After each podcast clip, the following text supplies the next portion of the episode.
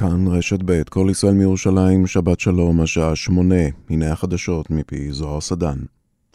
ליד הכפר בורקה שבאזור רמאללה ירה מתנחל למוות בפלסטיני בן 19 במהלך עימותים בין תושבים למתנחלים שנכנסו אל הכפר והשחיתו רכוש. עוד דווח כי כמה ישראלים נפצעו מפגיעת אבנים. כוחות הביטחון פתחו בחקירה. על פי כמה עדויות, המתנחלים באו מהמאחז עוז ציון שפונה בעבר והוקם מחדש. מערכת הביטחון ביקשה בעת האחרונה לפנותו שוב, אך לא קיבלה אישור לכך מן הדרג המדיני. כך מוסרים כתבנו כרמל דנגור ואיתי בלומנטל. כשירותו של צה"ל בצבא מעריכים כי הפגיעה בכשירות תחמיר כבר בחודש הבא. ראשי צה"ל מתכוונים להציג את ההערכה הזו בישיבת הקבינט המדיני-ביטחוני מחר, אף שהנושא אינו כלול בסדר היום. כך מסרה כתבתנו גילי כהן. בתוך כך, על רקע מחאתם של אנשי המילואים, פרסם צה"ל פקודה חדשה העוסקת בכשירותו של צה"ל ולכידותו. בפקודה המטכ"לית, הגדרות למונחים התנדבות וסרבנות, והנחיות כיצד יש לטפל במקרים שבהם אנשי מילואים אינם נענים לצווי התייצבות. כתבתנו כרמלה מנשה מציינת כי הפקודה עוסקת גם במשרתי קבע וסדיר ובחשיבותה של ענישה מידתית ואחידה. המפלגות החרדיות מאיימות לפרוש מהקואליציה אם לא יפורסם תזכיר חוק הגיוס עד עשרה באוקטובר. כתבנו סולימאן מסוודה דיווח אמש בחדשות שישי בכאן 11 כי המסר הזה הועבר לראש הממשלה נתניהו, בין השאר בהוראת האדמו"ר מגור, שסבור כי לממשלה אין זכות קיום אם היא אינה מחוקקת את חוק הגיוס. כתבנו מציין כי הצדדים צפויים להתחיל בעוד כשבועיים לדון בהכנת החוק. גורמים יודעי דבר אמרו לכאן חדשות כי חוק הגיוס עומד כעת בראש סדר העדיפויות של הממשלה, ולאחריו סוגיית הוועדה לבחירת שופטים.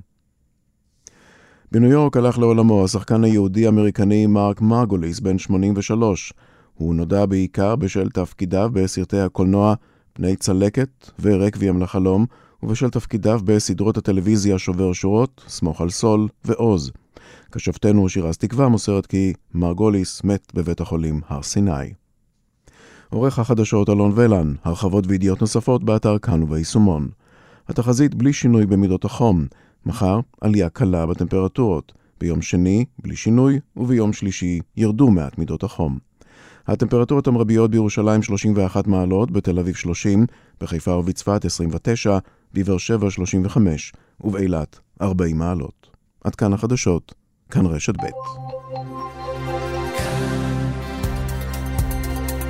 כאן רשת ב' אורן נהרי. כאן רשת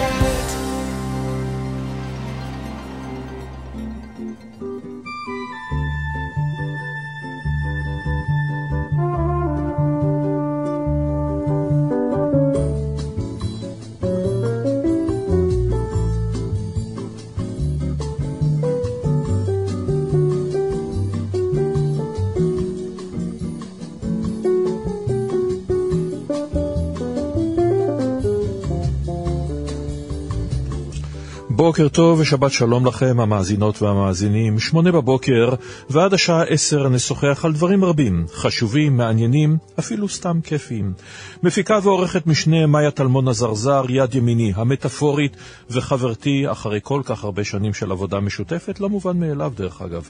על הביצוע הטכני, אמיר שמואלי המצוין, אני אורן נהרי. בואו נתחיל.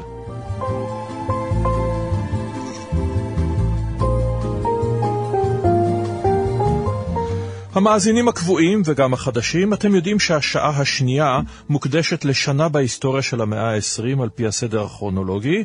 היום אנו ב-1918, שנת סיום מלחמת העולם הראשונה, כמובן נתייחס לכך, אבל זו גם הזדמנות טובה להעלות שאלה כללית, שרלוונטית לא רק לסיום מלחמת העולם הראשונה לפני יותר ממאה שנה, אלא למשל לסיום, לא שזה נראה שזה הולך לקרות, מלחמת אוקראינה. או לפני שנתיים אפגניסטן. השאלה שהיא לכאורה פשוטה, אבל בעצם לא כל כך. איך בעצם מסתיימות מלחמות? אז בואו נתחיל עם השיר הנפלא של אריק איינשטיין ושם טוב לוי.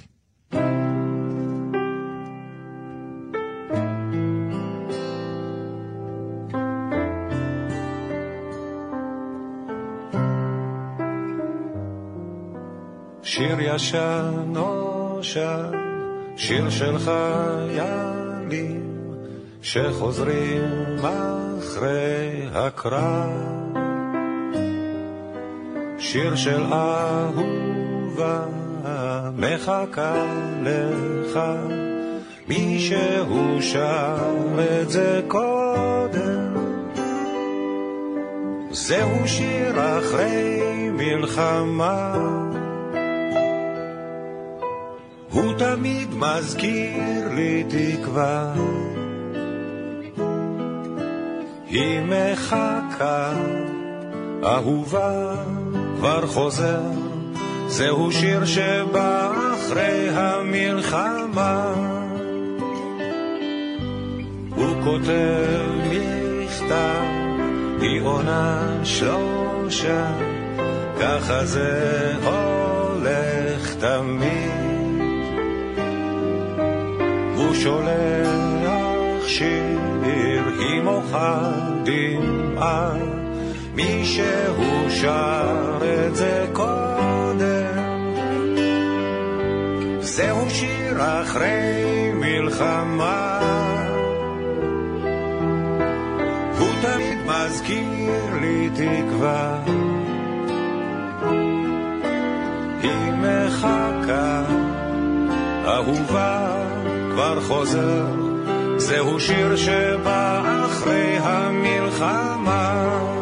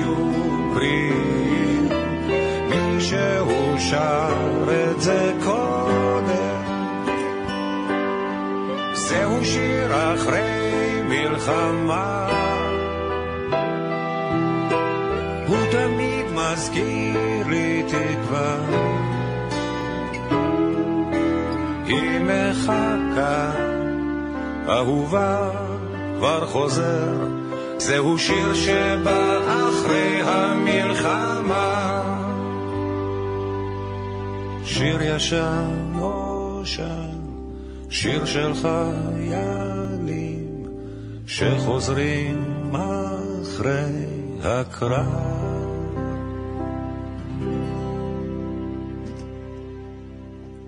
שלום לסגן אלוף במילואים עומר דנק. שלום ובוקר טוב.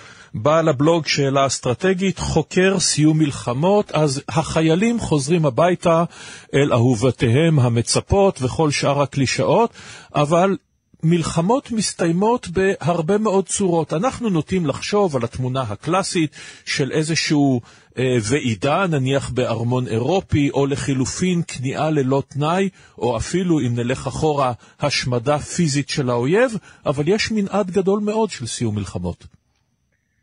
זה נכון. אה, יש מנעד גדול. האמת שלא כל כך גדול, יש אה, בסך הכל אה, שבע דרכים ש...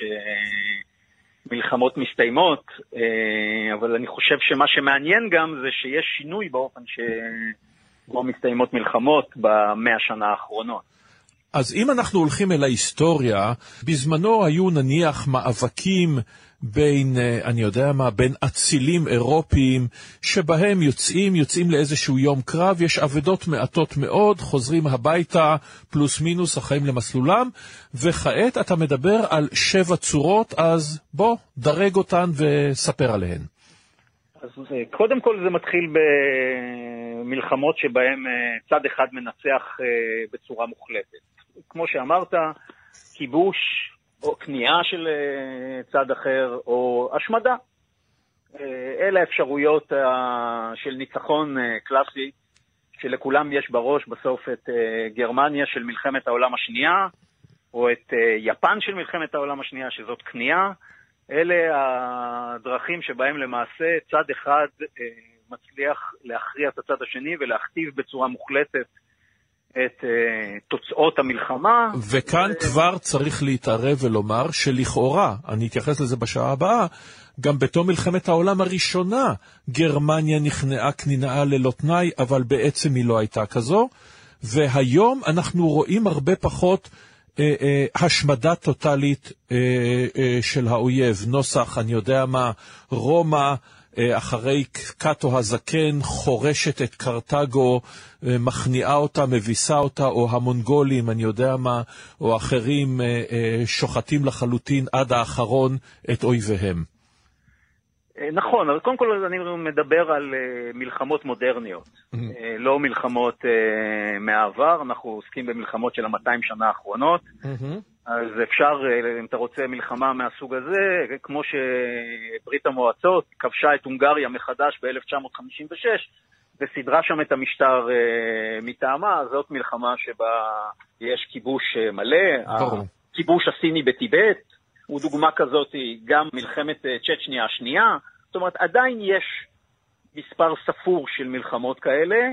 אה, אבל השיעור שלהם מאז סיום מלחמת העולם הראשונה, השנייה, סליחה, מאז סיום מלחמת העולם השנייה, הולך וקטן אה, מסיבות של אה, התהוות הסדר העולמי הליברלי והמלחמה הקרה, שבה שני הצדדים בעצם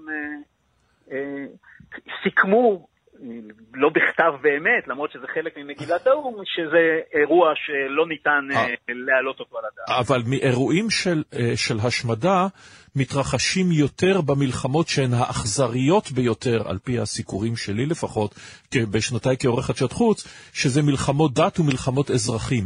נניח רואנדה, נניח אה, חיסול התמילים אה, בסרי לנקה. נכון. אז... אה, זה נכון שכאילו כשנתתי לך את צורות הסיום אה, מלחמה הזאת, אז במלחמות אזרחים הן אכן אה, בדרך כלל אה, מסתיימות בהכרעה שצד אחד מכריע את הצד השני כמעט תמיד עם הרבה מאוד אבדות, הדוגמאות שהבאת זה הדוגמאות הכי מוצלחות בעניין, אבל גם במלחמות אזרחים אנחנו רואים הליך של מאז סיום המלחמה הקרה, בשונה ממה שאמרתי על מלחמות בין מדינות, במלחמות אזרחים עד סיום המלחמה הקרה, אכן הכרעה הייתה האופציה הבולטת ביותר מ-90% מהמלחמות. מאז סיום המלחמה הקרה גם מלחמות אזרחים נוטות יותר להימשך, ולא בהכרח אה, להיות מוכרעות בכזאת קלות, כי פשוט יש כנראה יותר גורמים חיצוניים שמתערבים בהם mm-hmm. ומונעים את היכולת להכריע בהם. יפה, אז אחת זה הכרעה, אה, כניעה בלא תנאי, בואו נמשיך. כיבוש. אה, יש מלחמות שהן עם תוצאות אה, עמומות. אה, מלחמות שמתפוגגות להן בגלל שקורים דברים אחרים, או בגלל שהאנרגיה של המלחמה מסתיימת. דוגמה קלאסית יחסית למלחמה כזאת זאת מלחמת יפן-סין, שלמעשה פתיחת מלחמת העולם השנייה מבחינת היפנים עם האמריקאים הביאה לזה שה... המלחמה שלהם בסין התפוגגה ואיבדה את האנרגיה וירדה מסף אה, האבדות שבאותם אה, אנחנו מחשיבים במלחמה, שזה אלף אה, אבדות בשנה. אה, מלחמת קוריאה, אפשר לבוא ולטעון שהיא מלחמה שנמוגה בצורה זו או אחרת, אה, כי מעולם לא הוכרז סיומה. זה לא מדויק. מלחמת קוריאה זה מלחמה שבה הוכרזה הפסקת אש, אפילו נחתם הסכם הפסקת אש בין הצדדים, ומהרגע הזה אה, היא הפסיקה להיות מלחמה. Okay. אוקיי. זאת אומרת, מלחמת קוריאה היא מלחמה שממש אפשר להגדיר אותה כמלחמה שנקבעה בהפסקת אש, ולא מלחמה שהתפוגגה. אתה צודק שכדי להגיע להפסקת האש הזאת, בעצם שני הצדדים נלחמו במשך שנתיים על אה, עניין פעוט של האם יוחזרו אסירים בכפייה. אוקיי, ומה האופציות הבאות? נשארו עוד חמש? לא, נשארו עוד אה, שלוש, אבל אה, האופציה הבאה זה נסיגה או סיום חד צדדי. Mm-hmm. אה, נסיגה חד צדדית יכולה להיות כמו זאת של סין מווייטנאם ב-1979, או כמו זאת של סין מהודו ב-1962. אה, שתי מלחמות שסין פתחה בהן, ובעצם אה, החליטה לסגת כל פעם מסיבה אחרת. בהודו אבל, למה... האם היא, אבל סין לא כי התכוונה לכבוש את הודו, זה היה איזה עימות גבול ש, שהסלים. נכון, אבל לא כל המלחמות הן מלחמות שנועדו לכיבוש אה, הצד השני. אנחנו רואים הרבה מלחמות שהם סכסוכים על כל מיני סוגיות. גם המלחמה של ישראל בלבנון ב-2006 לא הייתה מלחמה שישראל ניסתה לכבוש את לבנון. אז זה, זה, זה לא בהכרח, כאילו, התנאי לזה שמשהו יקרה מלחמה הוא לא שצד אחד בהכרח רוצה לכבוש את הצד השני. Mm-hmm. אני מזכיר שבין בריטניה לאיסלנד כמעט הייתה מלחמה רק על סוגיית הדייג. זה לא, יכולים להיות סכסוכים ומחלוקות אחרים. אז סין בעצם, דרך אגב, ב-1962 אה, פתחה במלחמה עם הודו כי היא רצתה להכריח את ההודים אה, לבוא אל שולחן המשא ומתן אה, על סוגיות סכסוכי הגבול שנוצרו ביניהם כתוצאה מהכיבוש הסיני בטיבט.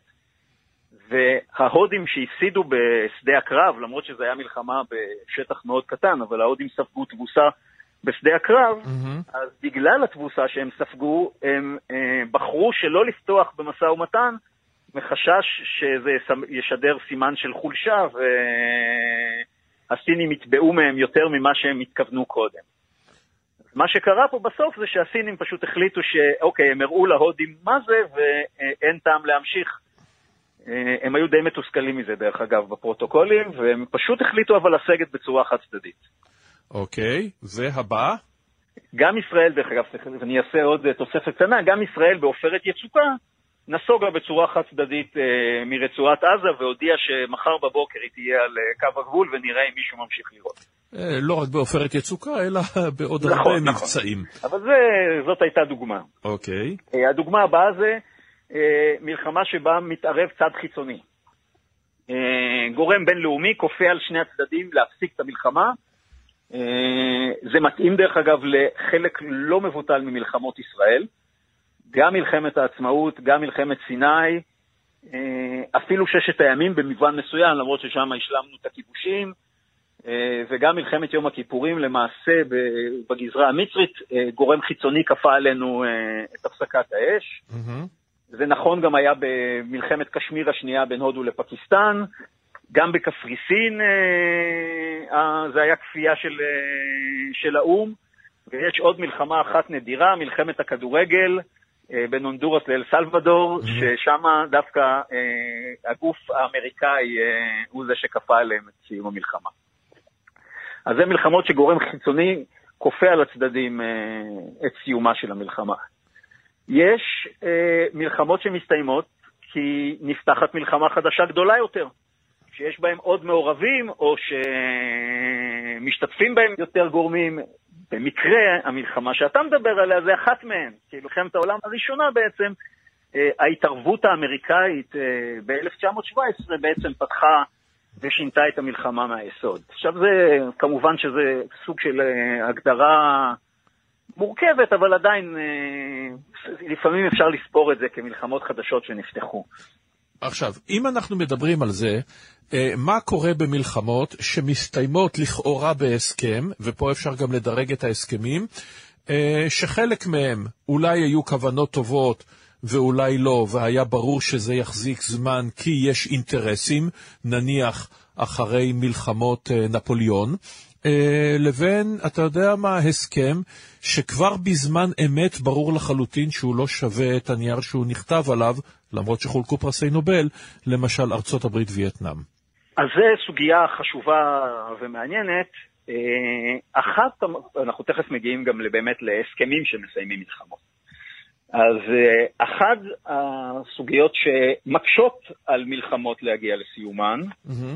זאת העובדה ששני הצדדים חוששים שההסכם לא יקוים, או דרך אגב, זה לא חייב להיות שני צדדים, יכולים להיות יותר משני צדדים גם אה, לסיום המלחמה.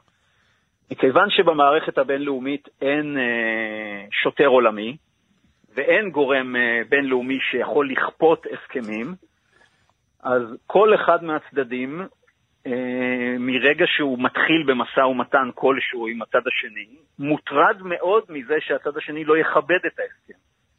וכשזה קורה, אז הוא מעדיף לפעמים להמשיך להילחם כדי uh, להבטיח uh, או לכפות הסכם טוב יותר, uh, כדי שאולי אותו uh, אפשר יהיה לקיים. אז הדילמה של האם אה, מישהו מבין הצדדים מקיים את ההסכם אה, ש... ברגע שהוא נחתם בסיום המלחמה, זו דילמה שקיימת תמיד. אה, מעט מאוד הסכמים מכובדים כמו שהם ב... בסיום המלחמות. המלחמה שלכבודה התכנסנו, מלחמת העולם הראשונה, היא דוגמה, היא דוגמה קלאסית שנרשמה בספרי הימים על הסכמים שלפחות אחד מהצדדים, המפסיד במקרה הזה, לא היה מוכן לקיים כעבור זמן מסוים, וזה מה שהוליך אה, למלחמת אה, העולם השנייה. כמובן. עכשיו, אה, בעולמנו הנוכחי, בהנחה שאי אפשר יותר להשמיד את האויב בנוסח, אני יודע מה, האימפריות של פעם ורציחות העם, אפילו של תחילת המאה ה-20, וטוב שכך, שלא תהיינה אי-הבנות.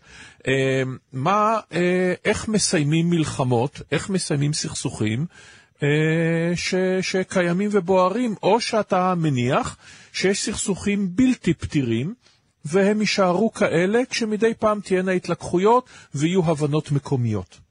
כאן אתה מערב עוד uh, מושג, uh, עד עכשיו דיברנו על איך מלחמות מסתיימות, uh, לא דיברנו על איך סכסוכים מסתיימים. זאת אומרת, הרבה פעמים המלחמה מסתיימת אבל הסכסוך נשאר. מלחמת יום כיפור הסתיימה ביחסית רמת הגולן. אחרי חצי שנה גם אני, נחתם הסכם הפרדת הכוחות, אבל הסכסוך בין ישראל לסוריה לא, לא הסתיים או נפתר כתוצאה מזה. או אפילו נלך להסכמי רודוס אחרי מלחמת העצמאות, כמובן. נכון, גם הסכמי רודוס הם אה, דוגמה כזאת. גם ההסכמים של הודו עם פקיסטן, שיש כמה כאלה, הם, הם הסכמים דומים, שכאילו הסכסוך על קשמיר אה, חי, בועט, נושם כמו... אה, כמו הרגש, אבל אה, לא כל הזמן יש מלחמה עצימה שמשנה את האופן שבו המדינה מנהלת את, ה, את היום-יום שלה. זאת אומרת, הרבה מאוד מלחמות, דרך אגב, גם המלחמות שלנו בעזה הם כאלה. ברור. אנחנו עושים הפסקת אש, או אנחנו מגיעים לאיזשהו הסכם שכולל אה, עוד איזה שלושה מייל בדייג, או עוד איזה מעבר מפה או לשם, אבל בפועל הסכסוך נשאר, ורק גובה הלהבות יורד מתחת לסף. ו- וישנה נקודה נוספת, אם כבר הזכרת את עזה, וזה גם אפרופו אוקראינה, שהיום מדינות אה, נזהרות מאוד מלקרוא לכך מלחמות. כי מלחמה כמובן זה נושא הרבה מאוד דברים, לעתים אה, בית המחוקקים צריך להכריז עליה. על כן המלחמה האחרונה שארצות הברית ממש הכריזה הייתה מלחמת העולם השנייה. אוקראינה לא מוכרזת מלחמה, וכמובן כל מבצעי ישראל אה, בלבנון ובעזה, למעט מלחמת לבנון השנייה, גם הם לא מוכרזים מלחמות. זה נכון, זה נכון. אגב, הברית אה, ב-91, בוש האב כן קיבל את אישור הקונגרס לצאת למבצע, עזוב, הכותרת עצמה, אבל, אבל הוא כן קיבל, בשונה מווייטנאם וקוריאה למשל, שתי מלחמות שבהן הנשיא בחר אה, לא להביא את, ה, את האירוע לאישור הקונגרס, וספג על זה דרך אגב אחר כך כשהמלחמה הייתה ביקורת אה, רבה, כאילו, שני, כאילו כל הנשיאים. ואכן הם מעדיפים לא לקרוא לזה מלחמות. ולימים כמובן אפגניסטן ועיראק. ככה איזה נכון. אירוע קטנטן כזה, אמנם יש אלפי הרוגים אמריקנים ועוד מאות אלפי אפגנים ומאות אלפי עיראקים, אבל כן. בואו לא נקרא לזה מלחמה ואז נעמיד פנים שהכל בסדר. תודה רבה לך על הדברים האלה. סגן אלוף במילואים עומר דנק, בעל הבלוג שאלה אסטרטגית וחוקר סיום מלחמות. עוד נשוחח. תודה רבה אורן. ומכאן לנושא אחר לחלוטין, אל התיאטרון הישראלי, אל המשפחה בתיאטרון הישראלי. בואו נתחיל עם השיר מתגעגעת של חווה אלברשטיין.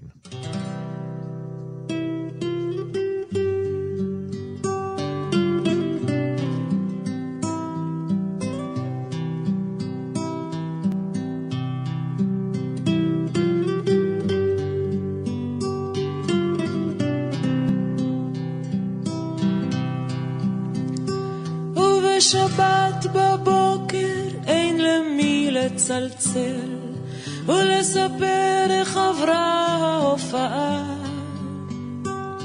ואבא לא שואל, היה קהל, ואימא לא אומרת, את נשמעת עייפה. וכשכותבים עליי איזו מילה רעה, אני עדיין חרדה. שאבא לא יקרא, שאימא לא תדע, רוצה להיות ילדה טובה. ולא עוברים בבית בדרך לצפון, ולא עוצרים שם בדרך חזרה. והמרפסת שממנה נופפו לי לשלום, תלויה כמו הריסה ריקה.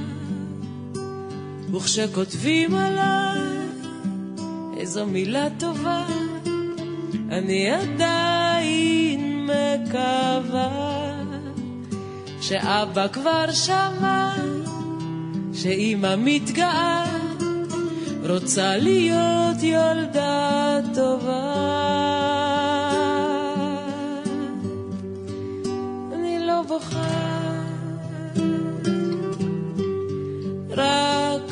מתגעגעת. אני לא בוכה, רק מתגעגעת. כל כך הרבה פנים, כל כך הרבה אוזניים, ואין למי לשיר, שרים תמיד לשניים, וכשהשניים מסתלקים,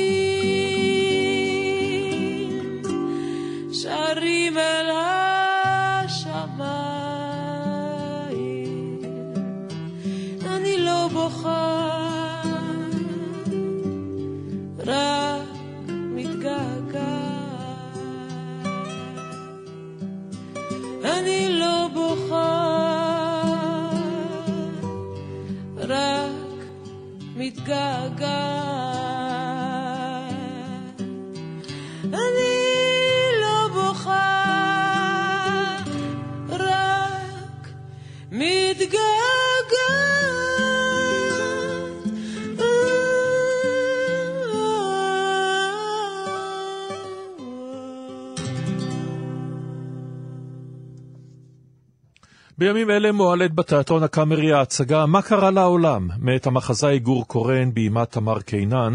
בתפקידים הראשיים אודיה קורן, מוטי כץ או רמי ברוך וישי גולן, ואיתם אנדריה שוורץ, נטע שפיגלמן ושירן בוכניק. שלום לגור קורן, המחזאי. שלום אורן.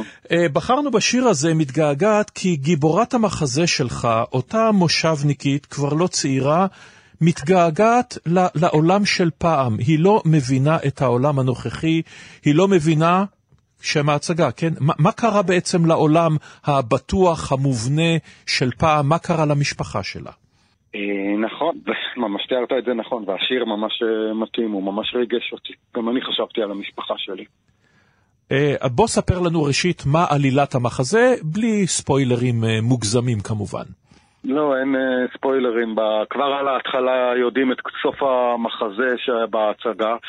אה, בעצם זה מדובר על אה, מושבניקית בת 70 שיוצאת להציל את חיי הנישואים של הבן שלה. הבן שלה עצמו הוא גם כבר בן 40 ו... שהוא עוזב בעצם את הבית וחוזר לגור אצל ההורים שלו וככה היא, שהיא מתחילה, מנסה לתקן את חיי הנישואים שלהם. היא מבינה שמושג הנישואים מאוד מאוד השתנה מושג המשפחה מאוד השתנה ובכלל כל הערכים שהיא אה, האמינה בהם אה, מאוד מאוד אה, השתנו והיא לומדת הרבה מאוד מושגים חדשים כמו פומו ויולו ולאמלק ופתאום היא מבינה שהיא בכלל לא מבינה את העולם הזה ולאן הוא נהיה. יד על הלב, עוד יש אנשים כאלה? היא הרי אמורה להיות, היא ובעלה, אה, אה, יצחק עלה, כן, המושבניק הקלאסי, אחד, ה, אחד הרגעים המשעשעים בהצגה הוא שהיא אומרת לו, אתה שתקת 50 שנה, זה לא הזמן להתחיל לדבר בדיוק עכשיו. כן, כשהוא הולך אחריה בכל מסעותיה הנמרצים ברחבי הארץ בניסיון להציל את חיי הנישואין, אבל הם, הם בכל זאת, הם מהדור, אתה יודע, אולי אני פה נעלב כי, כמעט, כי אני כמעט מגיע לגיל הזה. אה, עוד יש אנשים כאלה מניסיונך? כמובן שיש, הם נולדו בשנת 51, יצחק הלב ורזיה. בסך הכל היום הם בני 72. Mm-hmm. כוחם עדיין במותנם, וזה אנשים עדיין מאוד מאוד דומיננטיים, וזה דור מאוד מאוד אני לפעמים קורא לו מפאיניקי, לאו דווקא בהקשר הפוליטי, יותר בהקשר של ה... יש מפלגה אחת והיא הנכונה. וזה שכאילו העולם עכשיו מציע כל כך הרבה ולכולם יש כל כך הרבה דעות וה-new age שהם פשוט רואים את הדבר הזה כהרס. או, אז עכשיו העולם. המשפחה הזאת זה משפחה שכל מי שהולך לתיאטרון או קורא ספר, או האמת גם חי פה, יכיר, אם לא אותם, לפחות את הקלישאה שהם, אבל אותה ישראליות שהם מדברים בשמה, היא, היא כבר לא קיימת. בגדול כן, אה, היא קיימת, היא קיימת בראש של הרבה מאוד אה, אנשים. כי הרבה אנשים היו רוצים שהיא תהיה קיימת, אז היא קיימת בראש שלהם. כמובן שזה לא רק ישראל, זה כל החברה המערבית. Mm-hmm. מאוד מאוד uh, השתנתה, הערכים מאוד מאוד השתנו, אבל יש אנשים כמוהם, אגב, גם כמוני, שהיו מאוד מאוד רוצים להחזיר uh, חלק מהערכים האלה, ואומרים, לפחות אני יכול לחיות לפי הערכים האלה. עכשיו, אותה, אותו מושג מיתולוגי או לא מיתולוגי של משפחה, שזה כמובן קיים, אין צורך לומר, לא רק בתיאטרון הישראלי, הרי אפשר לבוא וללכת אל, אתה יודע, אל, אל המייסדים על אמת, כן, של התיאטרון, היוונים הקדומים, ולדבר על uh, אנטיגונה, גם אלה עלילות משפחתיות, אבל המשפחה הישראלית, אותו דבק קצת חם, אותה, שוב, אותם אנשים עם ההתערבות בחיי הילדים, עם הילדים שלא לגמרי עוזבים את הבית, עם אלה שממשיכים להיות שם בכל מקום, המשפחה הזאת היא, היא, היא מוטיב חוזר בתיאטרון, אולי המוטיב החוזר בתיאטרון הישראלי. הישראלי בדורות האחרונים לפחות, לא כן? אה, אומרים שבכלל בתרבות מתעסקים הרבה מאוד במשפחה, כנראה שהאדם עצמו מתעסק הרבה מאוד במשפחה. אה, בישראל אה, אפילו טיפה יותר, למרות שזה מאוד מאוד עולמי, הסיפור הזה, תכנים על אה, משפחה זה דברים שתמיד מעניינים, אה, כי כנראה אנחנו אה, מאוד מאוד מתעניינים בזה. ישראל היא מדינה באמת טיפה יותר משפחתית.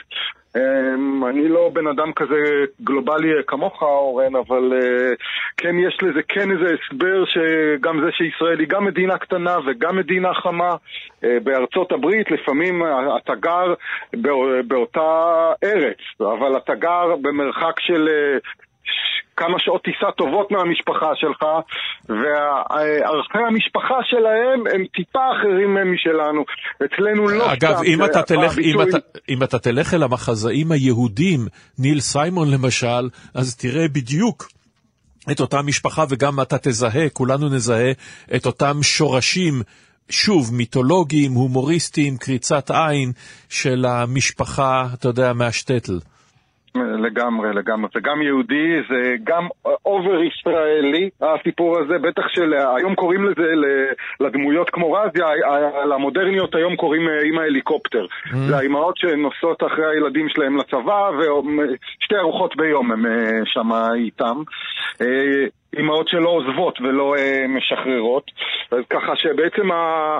זה, לא, זה לא אימהות של פעם, ההתערבות הזאת, ההפך. היום דרך אגב, בטח בגלל הסלולרים, אז אני חושב שהורים יותר אה, מעורבים, בטח בגילאים הצעירים. מה שאני חושב שאני הייתי נער והסתובבתי בארץ אה, בלי טלפון, היום ברטרואקטיבית זה מחריד אותי. נכון, זה מחריד אותך כשאתה חושב אולי על הילדים שלך אה, או על ילדים אחרים, כן, כי גם אני זוכר את עצמי, אתה יודע, חוזר מבית הספר, זורק את הילקוט, נותן איזה צעקה לחלל האוויר כשלא ברור מי ישמע, אני חוזר אחר כך וחוזר בלילה. אה, וכמובן היום לא הייתי נותן לילדיי, או כשילדיי נולדו, אה, שיקרה הדבר הזה. אה, עוד דבר זה שהוא תרגיל יפה שלך, ושוב, אני לא עושה ספוילר כי, אנחנו, כי זה פשוט בד... פיזית בדקה הראשונה של המחזה, אנחנו מתחילים מהשבעה. אנחנו מתחילים כן. מהשבעה, ואז המשפחה מספרת את עלילותיה של אותה רזיה, אה, שזה אה, תרגיל, אה, תרגיל בימתי יפה. מדוע בחרת בו? יש משהו בסיפור הזה שהקהל כבר יודע את סופו ועדיין מצליח להיות מופתע. ולהתרגש בסוף, למרות שהוא ידע בסוף שהסוף היא... רגע, ש... הסוף הוא הסוף שהיא אכן הולכת לעולמה, אבל לא ברור כן, לנו האם היא מצליחה במשימה. זה, זה מה שיפה, כן, זה מה שבסך הכל יפה, שהקהל הוא יודע כבר מההתחלה שהאישה היא מתה, אבל אז כשהיא אה, גוססת הוא שוב מתרגש, למרות שהוא ידע זאת. בעצם שתי השאלות ש... לכאורה פתוחות, זה האם היא תצליח במשימתה והאם היא אה, תשרוד את המחלה, שתיהן אה, נפתרות לנו על הדקה הראשונה. כבר בהתחלה יודעים שהם התגרשו, הזוג, כלומר היא לא הצליחה, וגם אנחנו יודעים שהיא מתה. אה, ובכל זאת אנחנו הולכים את כל הסיפור הזה ונותנים לעצמנו כן, אבל אתה יודע, אה, גירושין ומוות, אחד מהם הוא בלתי הפיך, אז נשאיר את זה פה, כי אנחנו עוד לא יודעים בדיוק בתחילת המחזה אה, האם הם יחזרו, אה, באיזה צורה, אבל כמובן, אחד הדברים המצוינים שם זה הנושא באמת של הפערים. הפערים בין מושג המשפחה הכה ברור לרזיה ויצחקלה, כלומר, משפחה זה, זה קתוליות יהודית. אתה מתחתן ואתה נשאר לטוב או לרע, כן, אם נלך אל הנדרים הנוצרים המפורסמים, בעוד מושג המשפחה של דורות יותר צעירים זה, אוקיי, זה בופה. לא הולך, ממשיכים הלאה, הכל בסדר. ואגב, אי אפשר לומר שאחד מהם צודק יותר מהאחר. אה, ברור. אה, אגב, רזיה טוענת לא רק המשפחה, גם האהבה. זאת אומרת, בחרתי באבא שלך, אני אוהבת את אבא שלך. היא לא, אני לא מנסה להתחיל לחשוב, אולי הייתי וזה. היא הולכת עם האהבה שלה ומקבלת אותה כמובן מאליו. אה, גם זה אפילו, כמובן, אצל דורות אחרים. אני אוהב, אני לא אוהב, אני פחות אוהב, אני יותר אוהב, אני מתנה את האהבה במשהו. אה, גם זה עבר אה, איזה שהם אה, שינויים מהתפיסה של זה. תודה רבה לך על הדברים האלה, גור קורן, וההצגה מומלצת מה קרה לעולם. תודה. כל מי שהגיע אי פעם לפריס בחודש אוגוסט נתקל מן הסתם בכתובת המתסכלת, אם אתה תייר, פרמאות. סגור באוגוסט. אז זו הזדמנות לדבר על אותו מושג מיתולוגי חופשת הקיץ, הרי אנחנו בדיוק בעונה כדי לשוחח על הנושא הזה, ואתם יודעים, תמיד בשפה זרה זה נשמע טוב יותר. חופשת הקיץ זה עניין אחד, וקאנס עניין אחר לגמרי. אז כדי לצלול לנושא, הנה שירו של שרל טרנה, הדרך הלאומית, שבע, לפני עידן האוטוסטרדות, הדרך אל הווקאנס הנכסף.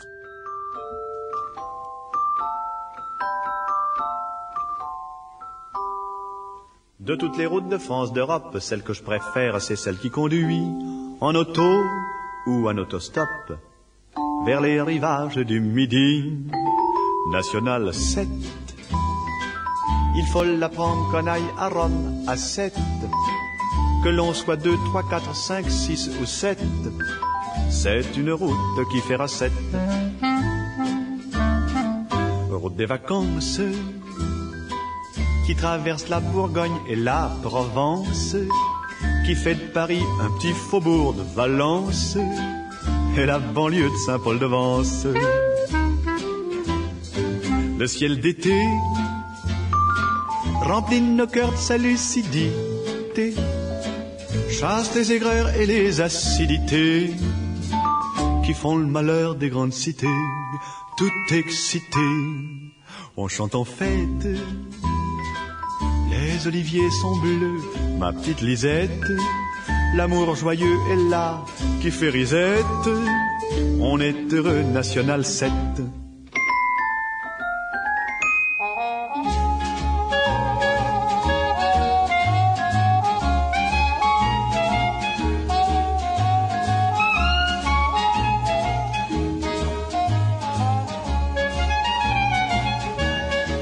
Route des vacances traverse la plus belle partie de la France, qui fait de Paris un petit faubourg Valence et la banlieue de Saint-Paul-de-Vence. Le ciel d'été incline nos cœurs de sa lucidité, chasse les aigreurs et les acidités qui font le malheur des grandes cités, tout excitées en chantant fête. Ma petite Lisette.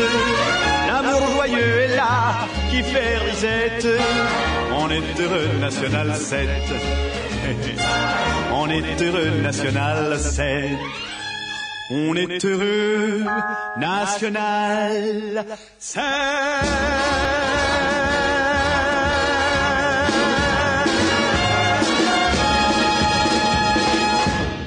שלום אביטל ענבר.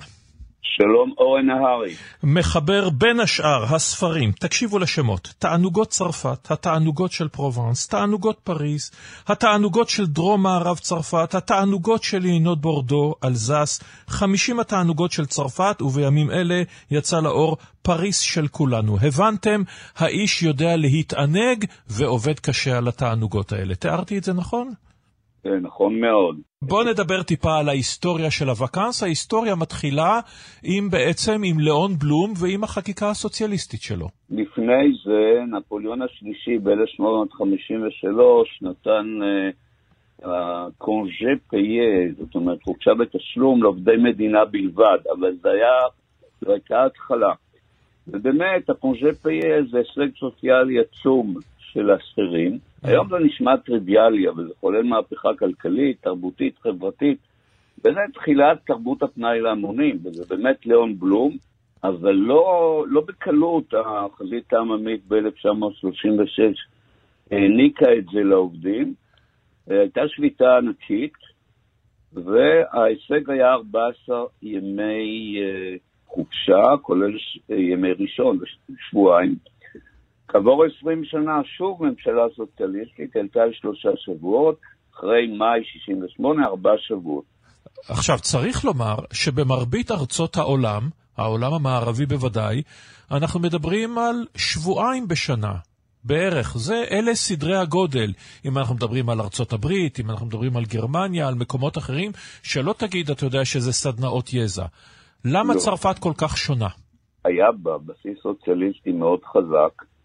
הצרפתים יוצאים להפגנה אלימה על כל דבר, והם השיגו את כל ההישגים הגדלים והולכים בתקופת ממשלה סוציאליסטית, ממשלות. כיום... אבל ממשלות שמרניות שהן אלה ששלטו רוב הזמן, לא ביטלו כן, את זה. כן, אבל הם לא, הם לא העניקו כלום. אבל הם לא, גם לא ביטלו. לא, הם לא ביטלו. לא, זה היה מעורר, תאר לעצמך, לעורר לבטל את הקונג'ה פייה, לצמצם את הקונג'ה פייה, זה היה גורם למהומות דמים. כמובן. עכשיו... מיטרן, דרך אגב, בלילה לחמישה שבועות. יפה. עכשיו, מדוע אבל כל צרפת יוצאת לנופש באותו זמן, באותו מקום? תסביר לי את ההיגיון. זה כבר לא ככה. השלב השני התחיל באמצע שנות ה-50 עם ייצור מכוניות קטנות וזולות, mm-hmm. מכונית לכל פקיד, הדשבו, הקאצ'בו, והמיתוס של הריביירה התחיל לעבוד בצורה פנטסטית, וכולם נסעו לריביירה. כולם נסעו לריביירה. עכשיו, אני, הנציונל סט, על כביש ארטלי 7, אני נסעתי בו הרבה פעמים, ואני זוכר שבתקופות כאלה, הפקקים במוטלימר, בוולנס, הכביש עבר בתוך העיר. זה היה נורא, זה היה נורא. ואז אוטוסטרדות, גם הן פקוקות, ואז מפנים את הנהגים לנציונל סט. אני זוכר אבל עדיין, אתה יודע, לא מזמן, את, ה, את המושג הזה של ה-Weekend Rouge, אתה יודע, אותו שילוב yeah. אנגלו-צרפתי, שבו yeah. יש פקק תנועה אחד ענקי, או בדרך דרומה או בדרך חזרה, ואנשים נכון. עושים את צורכיהם, ואנשים אגב מזניחים חיות, ועושים נכון. כל מיני דברים. אז למה לא לרווח את זה קצת? אני לא מבין את ההיגיון. אולי כי אני לא צרפתי. הם רווחו. הם רווחו בכך שלפני כמה שנים דירגו את חופשת הקיץ של הילדים של בתי הספר אה, בצורה שמאפשרת אה, לחלקם לנסוע ביולי מהמם. ולחלקם אה, באוגוסט. זה הפך את יולי לחודש מאוד מאוד פעיל מבחינת הבקרס. מהמם. אה, העומסים בריביירה לא פחתו מפני שבאים המוני זרים, ובכל אופן, הם, הם תפסו שאוגוסט זה לא חזות הכל. אז, אז המחירים הכי גבוהים בבתי המלון בריביירה זה יולי-אוגוסט, וגרנד פרי דה מונקו, שם המחירים נוסקים. מי שנוסע בנובמבר משלם לפעמים חצי מחיר על מלון, אבל זה הם לא קולטים, כי. יש מפעלים שיוצאים כמעט כאיש אחד, או חצי העובדים יחד, והם לא יוותרו על, ה...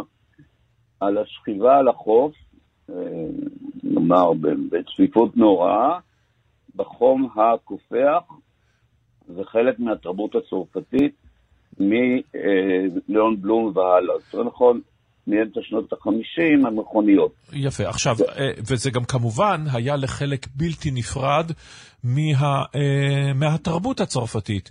אין ספור סרטי קולנוע בוודאי, אה, קומדיות בדרך כלל, שמדברות על אותם אנשים, על אותן משפחות היוצאות לקמפינג, הנפגשות זו בזו, בגדי ים ספידו של פעם, כן, כל מיני אה, זוועות אופנתיות וכולי.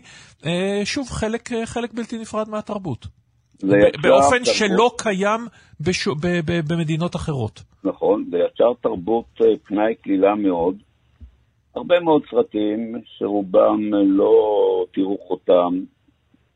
פחות שירים, אגב, ויש קטגוריות, ספרים שקוראים בבקר, ספרים שקוראים על, על שפת הים, רומנים קליליים, המון, המון, המון, יש החל מיוני. תרבות הפנאי היא משרתת אה, מטרה מסוימת, מכירות למי שמשתעממים על החוף, וזהו, זה, אני לא חושב שיש בתרבות הצרפתית, תרבות הפנאי, יצירות מופת, לא בשירים, לא, אין, אין. אבל אתה יודע, זה נכנס לז'אנר שאני מניח שצרפתי שרואה היום את הסרטים האלה עם האובר שיזוף, שלא כן, לדבר על כן. לואי דה פינה והשוטר מסן טרופה וכל אלה, כן. עולה לו חיוך. בישראל, צריך לומר, הייתה תקופה שאני כן. זוכר אותה בתור ילד, של הנסיעות לטבריה מצד אחד, לצפת אה, בימים אה, יותר נינוחים, כן. פחות גלובליים. אה, והיום אני מניח, האם זה גם בצרפת למיטב ידיעתך, אביטל, של סוג של חופשה שהיא חצי עבודה, חצי חופש, כלומר לוקחים את הלפטופ ועובדים איתו, או שבצרפת חופש זה דבר רציני ומתמקדים רק בו? הדורות החדשים, הצעירים, בוודאי שעוסקים בעבודה ש... שעבודה שיכולה להיעשות מרחוק, הם בוודאי לוקחים את הלפטופ, אבל הצרפתי הממוצע ש... שמקבל כ- כדבר מובן מאליו חופשה בתשלום מה... מהמעביד, לא רוצה לעבוד, הוא לא הוא רוצה ליהנות, להתחולל. אני רוצה לציין שחלק גדל והולך באוכלוסייה. אינם נהנים לא מחופשה בתשלום ולא מחופשה כלשהי, וזה מתג... מתחבר חזק מאוד לאי הנחת, בלשון המעטה, של אה, שכבות אה, אנשים בפרברים, ולא חושב שיוצאים להפגנות מהומות בגלל היעדר קונג'ה פייה, אבל זה חלק מהסיפור. עכשיו אני רוצה להגיד כמה מילים על צרות של השירים. מהמם. השירים נהגו לנסוע לסנט טרופה. אה, סמן עליון של בליינות, עוללות, שופוני, אבל עד לייסוד אבלי שאטו ב-54 הם לנו בדרך, באכסמיות על הכביש של אה, שפים אה, אה, גדולים, כמו פיק, כמו דימן. זה לא היה חופשה, חופשה ממש עד שהם הגיעו למונקו ולכאן, למלונות ה- מלונות הפאר. אבל מאז שייסדו את רלי שאטו והוא התפרס בצרפת, זאת אה, צורת האבקה של הרבה מאוד אה, עשירים שבאים למקום בטבע, יש שם אוכל טוב, בריכות, לפעמים ים, טניס, כל מיני דברים אחרים, רחוק מההמון. כן. רחוק מההמון. עכשיו, אני זוכר את, אה, אני זוכר את אה, אוגוסט בפריז בסוף שנות ה-60, עיר ריקה, גם תיירים רבים לא היו באים, עיר ריקה, אני כשחייתי אז בפריז זה היה כיף. והאבקה זה אירוע מאוד משמח, שעושה טוב לכלכלה, עושה טוב ל... אנשים חוזרים מהאבקה שזופים, ויש להם חשק לעבוד במשך חודש-חודשיים. ואז הם נכנסים לחורף, הכל קודר, ומחכים לוואקנס הבא, והם יודעים שיהיה ואקנס. דרך אגב, אה, בתקופת מיטראן צמצמו את שבוע העבודה לארבעה ימים, כן. כך שכמעט לא עובדים. אין להם הרבה חשק לעבוד, אין להם הרבה חשק לעבוד, כי העבודה, העבודה היא לא הדבר הכי חביב על הצרפתים, לעניות דעתי. הם לקחו את המושג Work-Life Balance עד הקצה של ה-Life. תודה רבה לך על הדברים האלה, אביטל ענבר. תודה רבה, אורן. ועד כאן השעה הראשונה בתוכניתנו. תודה רבה לכם, המאזינות והמאזינים. תודה רבה למאיה טלמון עזרזר, לאמיר שמואלי. אני אורן נהרי, נתראה אחרי חדשות השעה תשע.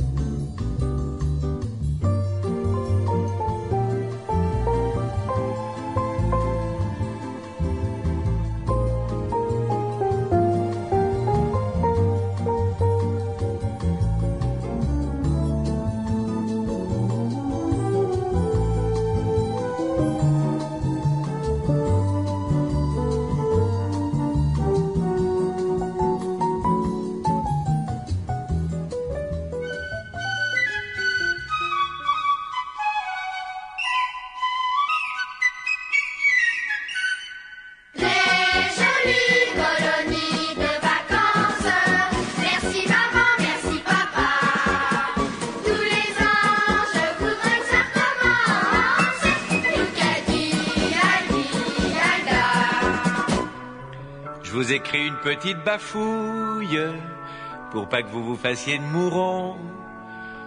Ici on est aux petits oignons, j'ai que 8 ans mais je me débrouille. Je tousse un peu à cause qu'on avale la fumée de l'usine d'à côté. Mais c'est en face qu'on va jouer dans la décharge municipale. Les jolies colonies de vacances. Merci maman,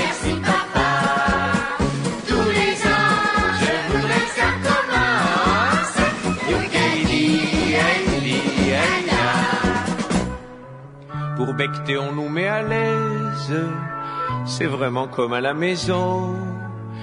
Les faillots, c'est du vrai béton. J'ai l'estomac comme une falaise.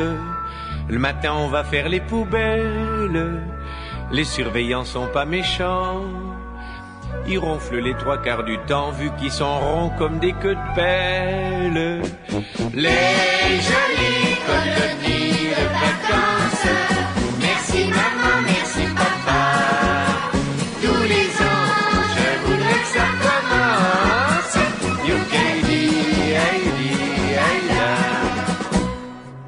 Hier j'ai glissé dessus une chaise en faisant pipi dans le lavabo. J'ai le menton en guidon de vélo et trois canines au père chaise. Les punitions sont plutôt dures. Le pion il a pas son pareil. Il nous attache en plein soleil, tout nu, barbouillé de confiture.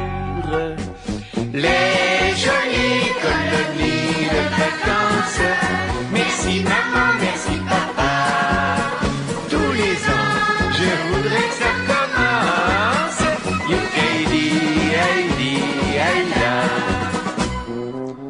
se baigner, c'est le coin tranquille. On est les seules personnes y va. On va se tremper dans un petit bras où sortent les égouts de la ville. Paraît qu'on a tous le typhus. On a le pétrus tout boutonneux. Et le soir avant de se mettre au pieu, on compte à celui qu'en aura le plus. Les jolies colonies de vacances. Merci maman, merci papa.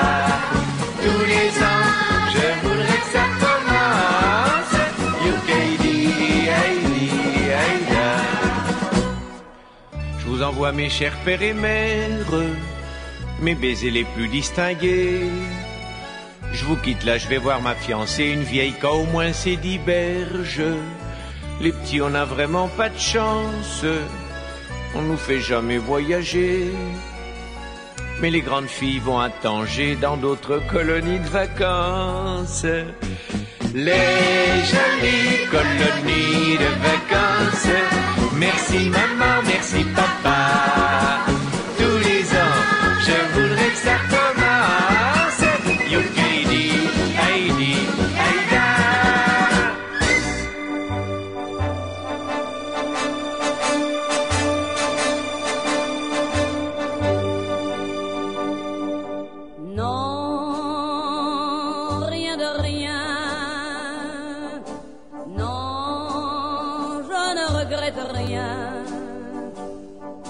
gonna be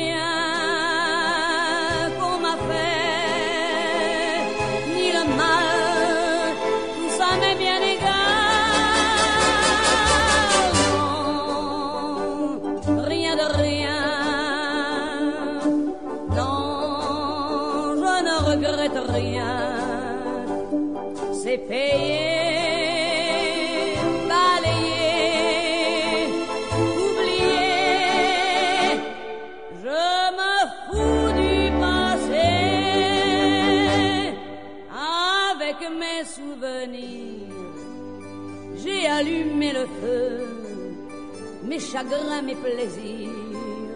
Je n'ai plus besoin de balayer les amours avec leur trémolo, balayer pour toujours. Je repars à zéro.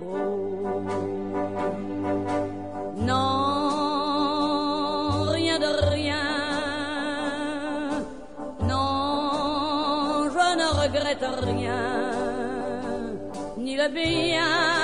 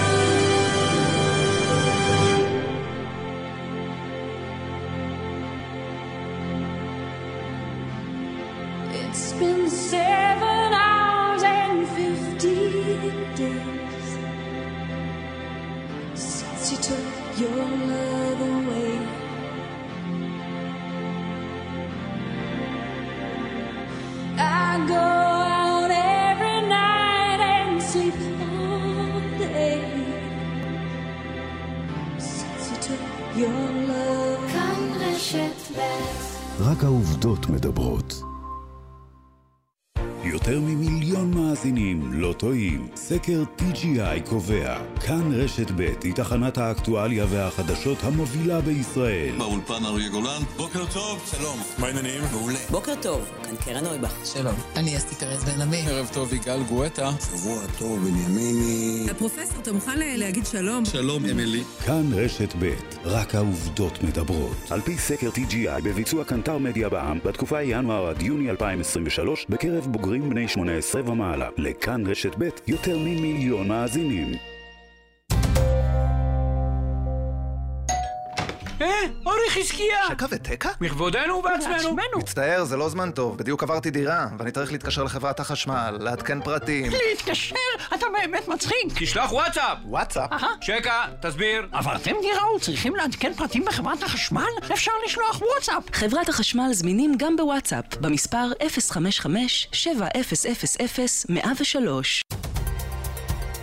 אורן נהרי, כאן, אחרי החדשות. כאן רשת ב'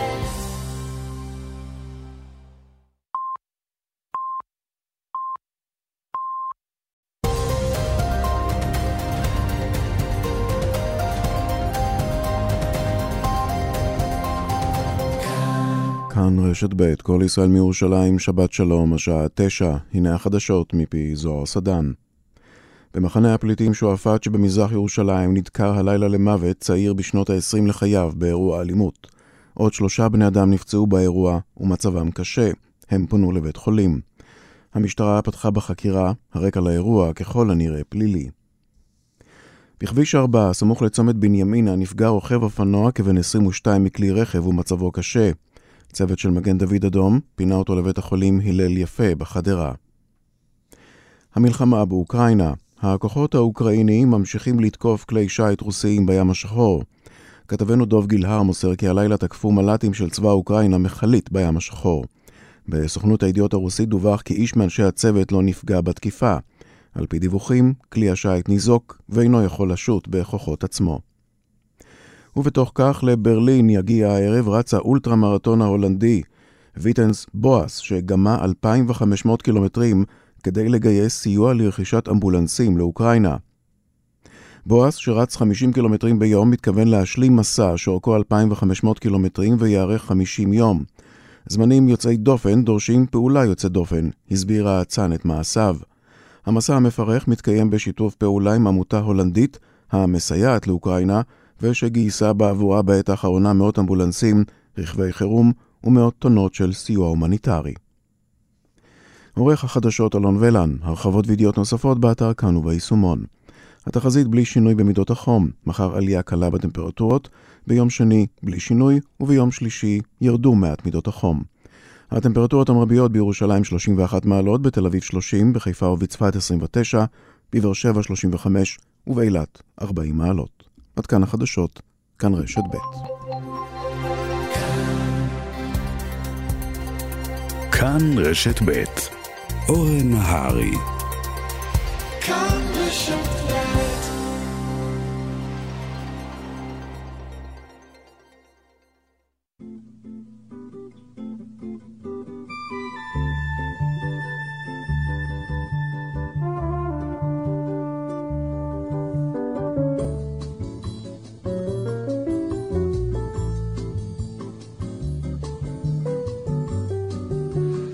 בוקר טוב, שלום רב לכם המאזינות והמאזינים, תודה ששבתם, תודה שהצטרפתם. מפיקה ועורכת משנה מאיה טלמון הזרזר, על הביצוע הטכני אמיר שמואלי, אני אורן נהרי. השעה השנייה בתוכניתנו שנה בשעה, 1918. המלחמה הגדולה מסתיימת. כניסת האמריקנים מביאה לתבוסה גרמנית בחזית המערבית. הניצחון שלהם על רוסיה, שנכנעה לגרמניה, כבר לא שינה. בכל הזירות התותחים מפסיקים לרעום. עיר הולדתי, חיפה, שוחררה אחרי 402 שנות כיבוש עות'מאני ב-23 בספטמבר על ידי חיל המשלוח הבריטי למעשה. נקודה מרתקת, חיפה שוחררה על ידי גדוד פרשים הודי, גדוד פרטי של המהרג'ה מג'ודפור, מפקד הגדוד שנהרג בקרב, קיבל לאחר מותו את התואר גיבור חיפה. ובשעה 11, ביום ה-11, בחודש ה-11, הסתיימה המלחמה, כשביום האחרון עדיין נהרגו 3,000 בני אדם. שיר. After the guns are silent, after your wounds have healed, after those crosses been planted in all those fields, after that long boat ride all the way across the sea, and after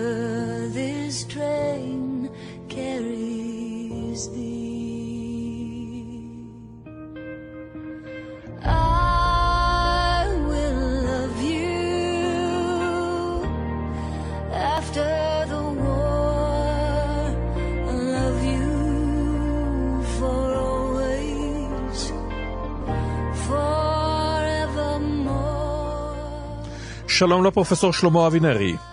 שלום וברכה. המחלקה למדע המדינה באוניברסיטה העברית, זוכה פרס ישראל, חבר האקדמיה הלאומית למדעים, לכאורה הכל ברור, המלחמה הסתיימה, מתיישבים לדון על הסדרי השלום, לכאורה, כמו נניח מאה שנה קודם לכן, אחרי מלחמות נפוליאון, אבל לא באמת. העולם החדש יהיה שונה לחלוטין מהעולם שלפני המלחמה. אכן כך. אה, המלחמה הזאת, מלחמת העולם הראשונה, עשה דבר שאיש ערב המלחמה לא ציפה לו. תוך ארבע שנים אה, הלכו והתפרקו שלוש או ארבע אימפריות שהוקמו במשך אה, מאות שנים. האימפריה האוסטרו-הונגרית, האימפריה הצארית, האימפריה העות'מאנית וגם האימפריה הגרמנית שהייתה אימפריה חדשה ולאומית ולא רב-לאומית, דבר שאיש לא ציפה כשנכנס למלחמה בקיץ 1914. זאת אומרת, האימפריות האלה מתפוררות ועל חורבותיהן, כי הרי אין ואקום, מקימים או מקימים מחדש אה, מדינות, ויוצרים בכך כמובן עולם חדש ובעייתי לא פחות מהקודם. בדיוק כך. לא מקימים מחדש למעשה מדינות קודמות, אלא במקומם של האימפריות מוקמות מדינות לאום, אה, למעשה מדינות בצד המנצח של המלחמה, והן לא משקפות את המציאות הפוליטית האמיתית. בכל אחת מהמדינות האלה יש מיעוטים לאומיים, יש מתיחויות לאומיות, שמביאות בהדרגה גם למשברים פנימיים, חוסר יציבות, חוסר יכולת לקיים משטרים דמוקרטיים, ולמעשה סכסוכים כמעט בכל, בין כל המדינות החדשות שמוקמות. ויש משהו משותף במה שקורה במציאות שלאחר 1918. יש uh, uh, הנחה שמשותפת גם היום ללא מעט משפטנים, שאם יש משבר פוליטי אמיתי עמוק, או מחלוקת פוליטית אמיתית, אפשר לפתור אותה באמצעים משפטיים. הדבר הזה מתעלם מההבדל המהותי בין התהליך המשפטי לבין התהליך הפוליטי. התהליך המשפטי יש לו, הוא סופני והוא ליניארי. לאחר פסק דין, גזר דין, ערעורים, יש מה שנקרא בז'רגון המשפטי המכוער, יש פסק דין חלוט סופי. יש מנצחים, ומי שהפסיד, הפסיד. התהליך הפוליטי הוא אחר. מי שמפסיד בבחירות, בדרך כלל יש מי שמפסיד, לא נעלם מן המפה הפוליטית. מי שהיה אתמול ראש ממשלה יכול להיות ראש אופוזיציה. אה, המפלגות שניהלו את המדינה הופכות למפלגות אופוזיציה, מוקמות מפלגות חדשות, מנסים לערער את הסדר הקיים על ידי הופעות בתקשורת לגיטימיות, על ידי מאבק פרלמנטרי לגיטימי, כך שהמאבק נמשך, וההנחה שאפשר לפתור בעיות פוליטיות על ידי אה, החלטה משפטית חד משמעית, אה, שפנית, אה, כמו שאמרתי בביטוי המכוער, פסק דין חלוט, היא לא הביאה לפתרון בעיית העבדות בארצות הברית, היא לא הביאה לפתרונות אחרים של בעיות המיעוטים באירופה לאחר 1918, והניסיון גם אצלנו על ידי החלטות פוליטיות, החלטות משפטיות, לפתור מחלוקת, לא כך. מדינת ישראל הצליחה במשך 75 שנה לקיים דמוקרטיה לא בלי בעיות, בלי חוקה, על ידי תהליך פוליטי. התהליך הפוליטי מנסה לא ליצור רק מנצחים ומנוצחים, אלא מנסה גם לקרב את המנוצחים לתהליך הפוליטי. ולאפשר גם להם לחיות עם המציאות החדשה. יפה, אבל אנחנו פה בנושא של באמת של מדינות. עכשיו, היה חזון. היה החזון של ווילסון המפורסם, 14 הנקודות, שבו הוא ניסה לבוא ולומר, אה, אה, להעלות אולי בתמימות אמריקנית, אם נלך רגע על קלישאות, אה, לנסות ולפתור את הבעיות הכה סבוכות של אירופה, בעיקר אירופה, אבל לא רק, על יסודות למה זה בעצם לא הצליח? כי צרפת פוחדת פחד מוות, מוצדק לחלוטין, מגרמניה שתתאושש במהרה, אה, כי הייתה פה ציניות, כי היה ריאל פוליטיק, כי אולי זו הייתה תמימות שלא יכלה להתקיים בעולם הציני והריאליסטי שלנו? זה נכון, וזה באמת מורכב. מצד אחד עקרונות של ווילסון, אבל הם לא מומשו. אה, זכות ההגדרה העצמית שנשמעת יפה וטוב ומחלקת את העולם לפי לאומים וזהויות לאומיות אה, לא ממש מומשה. אה, לפי עקרון ההגדרה העצמית של לאומים, אוסטריה, הדוברת הגרמנית שנותרה כשארית האימפריה האוסטרו-הונגרית, ביקשה להצטרף לגרמניה. בשתיהן היו אז ממשלות סוציאל דמוקרטיות. צרפת התנגדה משום שהיא לא רצתה גרמניה גדולה וחזקה. Mm-hmm. ולכן אה, אפשר להביא עוד כמה דוגמאות מפולין, מהונגריה, שמול העיקרון של זכות ההגדרה העצמית, שנשמע יפה, אוניברסלי והוגן, הייתה הריאל פוליטיקה. יתרה מזו, הרעיון... במקום, במקום שזה מומש, זה מומש על ידי טרנספרים ותיאורים אתניים, יוון וטורקיה למשל. בדיוק ככה. ואנחנו ראינו דבר דומה לכך גם אה, בהתפרקותה של יוגוסלביה בשנות mm-hmm. ה-90 של המאה הקודמת. כלומר, המצב שבו רעיונות נעלים ואוניברסליים והוגנים מתממשים, אה, מתנגשים עם, על צלעי המציאות ההרבה יותר מורכבת, ששם בסופו של דבר הכל דאלים גבר. עכשיו, לא רק שיש מרירות אצל גרמניה, כמובן, המנוצחת המרכזית, עם המיתוסים שיתחילו מיד, נשוחח על כך ב... כשנגיע לשנים הבאות, תקיעת סכין בגב האומה וכולי וכולי, יש גם מרירות בקרב המנצחות. איטליה ויפן במיוחד חשות שהם לא קיבלו מספיק שלל, לא בשביל זה הן נכנסו למלחמה, והמרירות הזאת היא כמובן תוביל לתוצאות הרסניות. בדיוק ככה.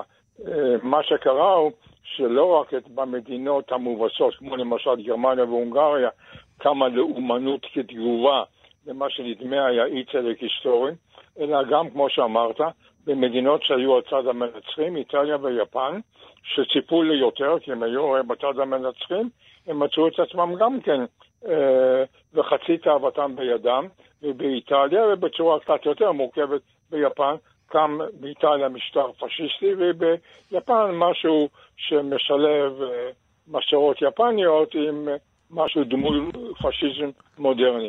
כלומר, הבעיה שלנסות לממש עיקרון יפה ואוניברסלי עם מציאות שהוא תמיד יותר מורכבת, הוא מסובך, ולכן הפרדוקס הוא שאחרי מלחמת העולם השנייה לא נקבע חוזה אה, בין המנצחים למנוצחים, אלא לא נקבעה מציאות לא נעימה שמדינות מזרח אירופה שילמו את המחיר, אבל יצרו החמישים שנה של יציבות. Mm-hmm. וכיוצא בזה, גרמניה, שהובשה במלחמת העולם השנייה, הפכה להיות, גרמניה המערבית, אחד מעמודי התווך של הסדר הדמוקרטי החדש, שמתחיל עכשיו עם איחודה של גרמניה, קצת להתערער כמובן. עם עלייתו של ימין קיצוני, בייחוד בגרמניה המזרחית. כן, וגם יפן, כמובן, שדמוקרטיה נדחפה עליהן אה, עם תבוסתן המלאה. ונקודה נוספת, ההתקוממות, התקוממות השמאל, ההתקוממות של הסובייטית, אנחנו כמובן משייכים אותה למהפכה הרוסית ומלחמת האזרחים, ואז השתלטות לנין וכולי וכולי, אבל יש התקוממויות כאלה בכל רחבי מרכז ומזרח אירופה. אה, שמדוכאות על ידי אה, ימין קיצוני. זה יביא כמובן לערעור אותן ממשלות. הונגריה עם בלקון, אה, וכמובן גרמניה עם הספרטקיסטים, עם אייזנר בבוואריה ואחרים, שמנסים להביא למהפכה קומוניסטית מלאה.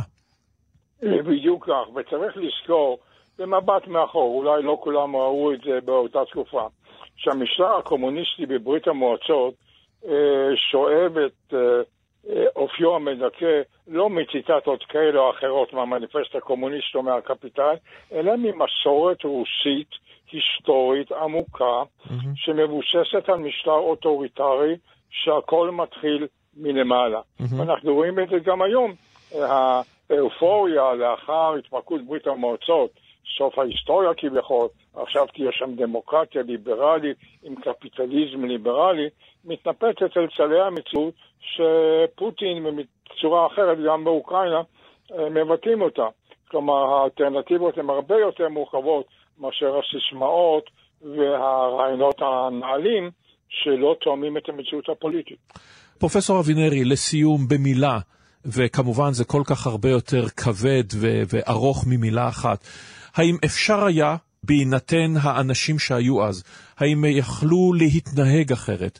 האם יכלו לנהל את הבריתות ביניהן אחרת? האם יכלו לקרב את גרמניה ולימים יותר את איטליה ויפן אחרת? בקיצור, למנוע את הידרדרות העולם מהסכמי השלום של סוף מלחמת העולם הראשונה לקראת הקטסטרופה של מלחמת העולם השנייה? אז כמו שאתה אומר, זו שאלה מסובכת.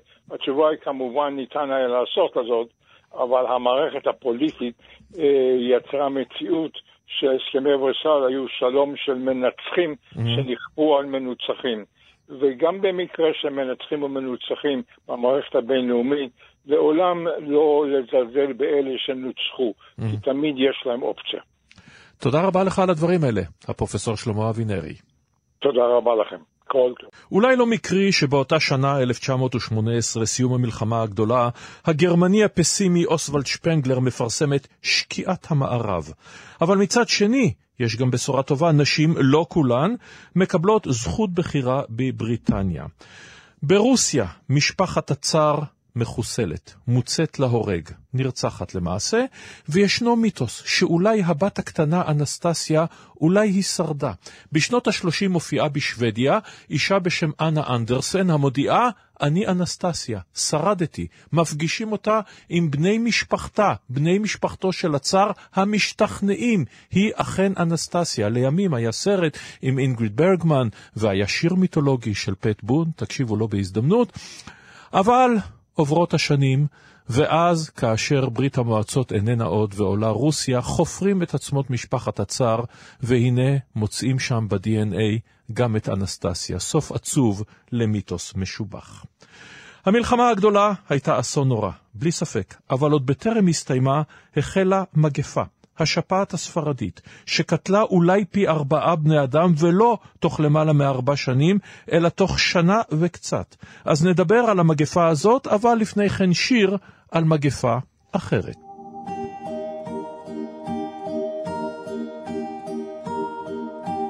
ארץ של שמש על הים התיכון הגלים פה לא שקטים, זה אומר המון. מהחול של הנגב ועד החרמון בית חם ובו כולם אומרים שלום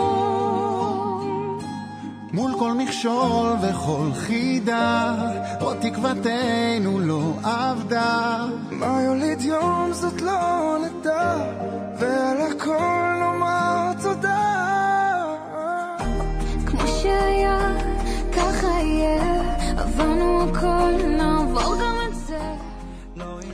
שלום לדוקטור קרן לנצמן. שלום, מה נשמע? אה, את כה עליזה בהתחשב בנושא שאנחנו הולכים לדבר עליו. אני מאוד אוהבת מגפות כשהן רחוקות ממני בהיסטוריה ורצוי ביבשת אחרת. מצוין. רופאה מומחית באפידמיולוגיה ובריאות הציבור, חברת עמותת מדעת לקידום בריאות הציבור בישראל, ועוד דבר חשוב, סופרת מעולה בסוגה הנקראת בגדול ספרות ספקולטיבית, מחברת לב המעגל. אגב, מתי הספר הבא? אה, ברגע שנסיים לערוך אותו. אוקיי, אז הוא בדרך. אוקיי, בשורות טובות. אז בואי נתחיל בשפעת הספרדית. ראשית, היא לא ספרדית. מדוע היא הייתה נכון. כה קטלנית? התחלת בשאלה הקשה, אני חשבתי שנדבר על למה קוראים לה ספרדית אם היא לא ספרדית. נכון, אבל אה, אוקיי, בואי נתחיל בזה. למה קוראים לה ספרדית כי היא לא ספרדית? כי הספרדים הם אלה שדיברו עליה. היו לה מלא שמות, קראו לה, היו שם כל מיני כינויים, הגבירה הקטלנית, הגבירה באדום, כל אחד תלוי באיזה צד של המלחמה היית. אבל הספרדים הם הראשונים שפרסמו את זה באופן רשמי בעיתונות, תקשיבו, יש מגפה, היא סופר מסוכנת, תיזהרו, והתוצאה היא שכולם גנבו להם את השם. בין השאר מכיוון שהם פשוט היו אה, נייטרלים במלחמה והמדינות האחרות היו תחת אה, צנזורה ולא רצו להבהיל את הציבור, אז למה היא כל כך קטלנית? מדוע? זו שאלה מצוינת והתשובה היא שאשכרה לא יודעים. יש מלא מלא מלא מלא אה, מאמרים על הנושא, אנחנו מכירים את הגנטיקה, ריצפו את, את הווירוס אה, כבר בשנות התשעים, אבל אנחנו לא באמת יודעים מה הפך אותה לעד כדי כך קטלנית. אה, שזה מצד אחד סוג של חיובי, כי זה אומר שהשפעות שמסתובבות כרגע הן לא קטלניות באותה מידה, ומצד שני זה מלחיץ. כי אם אנחנו לא יודעים מה עשה את זה, אנחנו לא יכולים לעצור את זה. אוקיי, okay, אז איך, אנחנו... היא, איך היא נמוגה בסוף? את זה לפחות אנחנו יודעים. הייתה חסינות עדר, אותו מושג מפורסם? אז אה, אולי נתחיל מאיך היא התחילה. אוקיי. Okay. כי אני חושבת שזה מעניין, וגם אה, בזכות הקורונה כולנו מכירים את הסיפור, שהולך לשני הכיוונים. לפחות את השפעת הספרדית לא הכחישו, היא הייתה קיימת. נכון. יש, יש פרסומים גם על זה, לפחות לא ייחסו אותה לחייזרים או כן. התערבות או צ'יפים, כי אז עדיין לא היו לא צ'יפים ולא חייזרים בעיתונות הפופולרית. השפעת התחילה בארצות הברית, זה חשוב לדעת את זה. כמו שאמרת, היא הרגה יותר אנשים מאשר המלחמה, מאשר מלחמת העולם הראשונה, והיא עברה מעבר לאוקיינוס עם החיילים האמריקאים. הם הביאו אותה איתם והתפשטה באירופה אמ, יפה מאוד אה, והגיעה עד סין, הגיעה לכל מקום. היו לה כמה גלים כמו הקוביד. אחד הדברים שאני מאוד אוהבת בהיסטוריה של מגפות זה לראות את ההקבלה בין דברים. כלומר, אה, מחלה שצצה מאיפשהו, אני ראיתי איזשהו מאמר שייחס את זה ל... חו... אה, יריד חקלאי, ששם היו המקרים הראשונים, היה מאמר אחר שייחס את זה ל... אה, באיזשהו בסיס צבאי בארצות הברית, אבל זה התחיל איפשהו וזה התפשט בגלל צפיפות, זה התפשט בגלל תנאים היגייניים ירודים, כי בכל זאת מלחמה, וזה עבר את הים בספינות שהביאו חיילים לאירופה, בדיוק כמו שהקוביד התפשט בטיסות ובאנשים שהגיעו מסין לאירופה. רגע, ואת עושה השוואה, כשאת מדברת על מגפות עם גלים עולים ויורדים, mm-hmm. זה mm-hmm. תקף לא רק למשפחה הזאת, נקרא לה בגדול, של השפעות, אלא גם למגפות מפורסמות בהיסטוריה, כמו המוות השחור, כמו כולרה ואחרות? נכון. מגיפות באות בגלים. אה, הן באות, הן תופסות, מחלה מגיעה, תופסת את כל מי שהיא יכולה. מי שחולה אה, ומחלים, מחוסן ממנה, בעיקר במחלות ויראליות. אה, מי שחולה ומת לא יכול לחלות שוב. Okay. אוקיי. ואז הן קצת יורדות, והן מחכות עד שיגיע זרם חדש של אנשים שיכולים להיות פגיעים. בשעלת ממש רואים את זה נורא יפה, כל איזה שנה, שנתיים יש פיק של מחלה בקרב לא מחוסנים. Mm-hmm. ואותו דבר גם בשפעת ואותו דבר גם בקורונה, אנחנו ראינו כל פעם שזן אחד הצליח לתפוס מספיק אנשים ומספיק אנשים היו מחוסנים נגדו, הגיע זן חדש, mm-hmm. טיפה שונה. Uh, בשפעת זה היה מאוד מאוד דומה מהבחינה הזאת, רק שזה לא התחל... הזנים לא התחלפו, אלא פשוט הוא מצא שוב ושוב עוד ועוד ועוד אנשים חדשים להדביק. אחד הדברים שמפחידים אותנו יותר מכל, גם בתרבות פופולרית, אין צורך לומר לך את זה, אה, זה, זה מגפות. אנחנו מכירים את זה, את הפחד הנורא הזה, שאנחנו נידבק ממשהו ונמות, ובמקרה הזה של השפעת הספרדית, יש מקרים מתועדים של אנשים שהיו ליטרלי, מה שנקרא, בריאים יום אחד ומתו למחרת. זאת אומרת, גם נכון. uh, זה היה מהיר בצורה בלתי רגילה, ומפחיד בצורה בלתי נכון. רגילה כמובן. גם, אה, דרך אגב, גם בדבר של המאה ה-14, כן. בדיוק אותם תיאורים, אנשים שקמו בבוקר היו בסדר ובלילה, עד הלילה הם מתו. יש מקרי קיצון כאלה. מה שהיה מאוד מפחיד בשפעת אה, של 1918 זה שהיא הייתה מאוד קטלנית בגילאים, בגילאים הבריאים. Mm-hmm. לא רק בתינוקות ובמבוגרים, את זה אנחנו מכירים, גם השפעת בימינו מאוד מסוכנת לתינוקות ומאוד מסוכנת לאנשים אה, אה, מבוגרים, אה, ובגלל זה מומלץ להם להתחסן כל שנה, אה, רק שאז לא היה חיסון. אה, השפעת ההיא אה, תרגתה בדיוק את האנשים בגילאי 20 אה, עד 30, שזה גם החיילים. Mm-hmm. וגם היה שם גל תמותה אדיר בגילאים האלה, זה סופר מלחיץ ומפחיד את ה... הם אמורים להיות צעירים במיטב כוחם, הם אמורים להיות הכי מחוסנים. נכון, אבל זה שמשהו אמור להיות, זה לא אומר שככה הוא באמת. כן. אה, וזה נורא מפחיד, זה באמת דבר שמפחיד אה, רופאים. דרך אגב, אותו דבר אנחנו רואים אה, מהדיווחים של 1980 בעלייה של ה-HIV, mm-hmm. שאנשים צעירים ובריאים פתאום מתים ממחלה לא מוכרת. כן. זה אחד הדברים שהכי מלחיצים. מה הלקחים שלמדנו, שעולם הרפואה, כלומר אתם למדתם מה, ספציפית מהשפעת הספרדית? אני, אני אוהבת שאמרת אתם בתור נציגה של בריאות הציבור בשנות ה-20 של המאה הקודמת. אמ, זו שאלה טובה, והתשובה היא לא הרבה, mm-hmm. לצערי. היה את uh, ארגון, uh, את מה שקדם uh, לאו"ם, mm-hmm. uh, והיה זרוע שקשורה ל-public health, שקשור, mm-hmm. לבריאות הציבור שקשורה, אבל הייתה מלחמת עולם איומה. והמאמצים בשנות ה-20 היו מאמצי שיקום ספציפית למדינות הנפגעות, למדינות mm-hmm. שנלחמו. לא היה דיבור על, היה, התחילו דיבורים על זה, כן, אבל זה לא היה ברמה הגלובלית. ההבנה שבריאות הוא דבר גלובלי הגיעה רק אחרי מלחמת העולם השנייה. כאשר הבינו שמלחמות זה דבר גלובלי ובריאות הציבור היא דבר גלובלי. שזה די קם... מדהים, כי הרי המוות השחור, מגפות אחרות, עברו מדינות, עברו יבשות, ידעו את זה.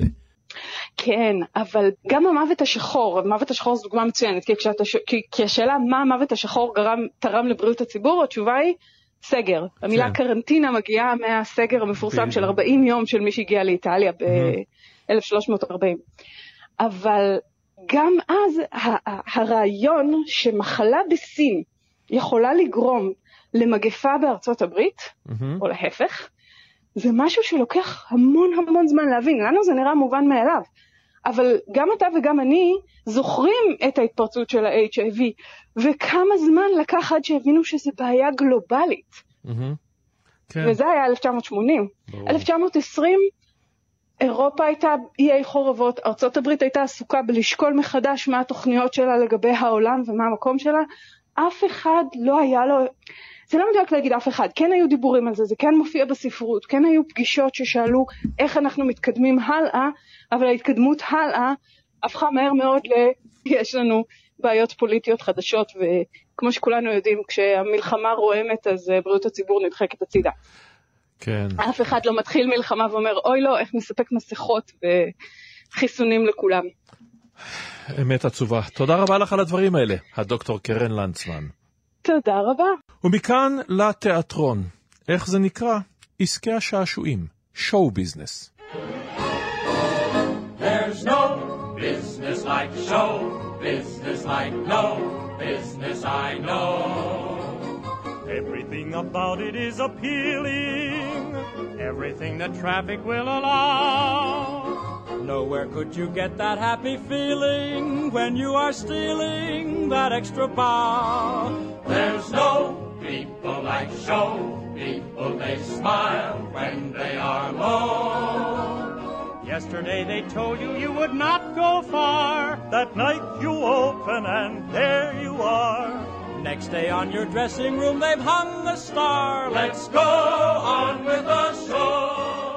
שלא תהיינה אי הבנות, יש מרחק גדול בין המיוזיקלס של ברודוויי לבין מוסקבה. ב-1918 הונחה אבן הפינה לאוניברסיטה העברית בירושלים, ובמוסקבה ייסדו נחום צמח ומנחם גנסין, אחיו הצעיר של הסופר אורי ניסן גנסין עם חנה רובינה, תיאטרון, הבימה שמו. שלום לנועם סמל.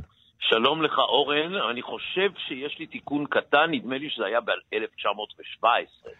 אה, התחלת הכינוס הזה של הבימה כתיאטרון אה, בעברית במוסקבה, בתוך המהפכה. נכון, יש, שוב, הם, הם התחילו כינוסים קודם לכן, כן. היה פה, אתה יודע, יש לא, לא שורה לא, של שנים. לך, לא, לא, אני, אני אגיד לך בדיוק, המיניסטר של מה שנקרא שר הפנים היה סטלין, ג'וזף סטלין. הוא חתם על הבימה כתיאטרון בעברית של היהודים.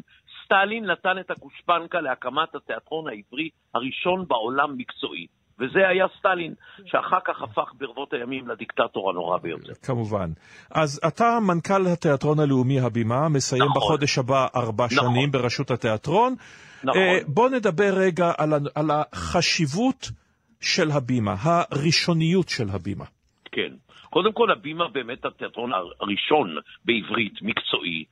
שחקנים שהיו מחנכים ומורים, ביניהם חנה רובינה ונחום צמח ובנימין צמח, ולימים גם אהרון מסקין וברטונום, ענקים, ענקים, שפילסו את הדרך לתנועה הציונית. בעצם הם נענו לקריאת התנועה הציונית ולהסתדרות הציונית ועשו מסע בכל רחבי אירופה, כולל דרום אמריקה וארצות הברית, כדי להרים את התנועה הציונית, לבוא לקונגרס הציוני. הבימה עשתה את העבודה, וזה מה שהדליק אותי, ועם זה באתי גם לרון חולדאי, בוא תציל את המוסד הכי הכי ציוני. הם עשו 1,850 הצגות בכל עיר בעולם, שתגיד לי, הבימה הציגה את היהודי הנצחי ואת הדיבוק בעברית. באלף, בשנים האלה, 1926, 27, 28, 29, עד 1936, כולל ניסיון להיכנס לברלין בחסות גבלס. עכשיו, אתה מבין איזה מסע. לא רק זה, אלא ברגע שהבימה עולה לארץ יחד עם אוניית המשוררים המפורסמת, נכון. אה, זה העברת מרכז הכובד של יצירה בשפה העברית, לא בהכרח נכון. יצירה יהודית, אבל יצירה בשפה העברית, מרוסיה לארץ ישראל. פה, נכון, פה הגושפנקה. נכון, נכון. התיאטרון הזה, הבימה, שהוא התיאטרון היחיד עדיין בעברית, מגיע לארץ ישראל, מתיישב בתל אביב. יש לי פה, אני מדבר איתך מהחדר שלי, מלא פוסטרים גם ברוסית וגם בעברית, ו, ובעצם מייסד גם את הבניין. בשנת 1938-9 מניחים אבן פינה בזמן מלחמת העולם השנייה לתיאטרון עירוני לאומי, לא יודעים, עוד, עוד לא היה לאומי, מכינים את הבניין הגדול השווה לבניין במוסקבה, או, לש, או לבניין בברלין, הברלינר אנסמבל, או לבניין ברומא. אנחנו כ- ככל העמים. זה לא רק תיאטרון, אלא זה גם בניין ששווה תיאטרון. עכשיו, התיאטרון הזה, בשנותיו הראשונות, שזה גם נהיה אחר כך הפרודיות המפורסמות של אפרים קישון, ירדן פודמניצקי וכולי וכולי, זה כן. תיאטרון שמדבר במבטא רוסי כבד. נכון. זה תיאטרון שמדבר במבטא רוסי, זה תיאטרון שלא מקבל גלויות אחרות, עדיין לא הגיעו גם גלויות, אבל בת... מאז קום המדינה, מאז 48, משתנה הדבר, והתיאטרון מתחיל להכניס אליו גם את אפרים קישון ככותב וכבמאי, וגם שחקנים מכל, ה... מכל העולמות, כולל ניסים הזיקרי, שהוא בעצם אה, מבולגריה, וגם שחקנים אחרים, וגם מקים את הסדנה.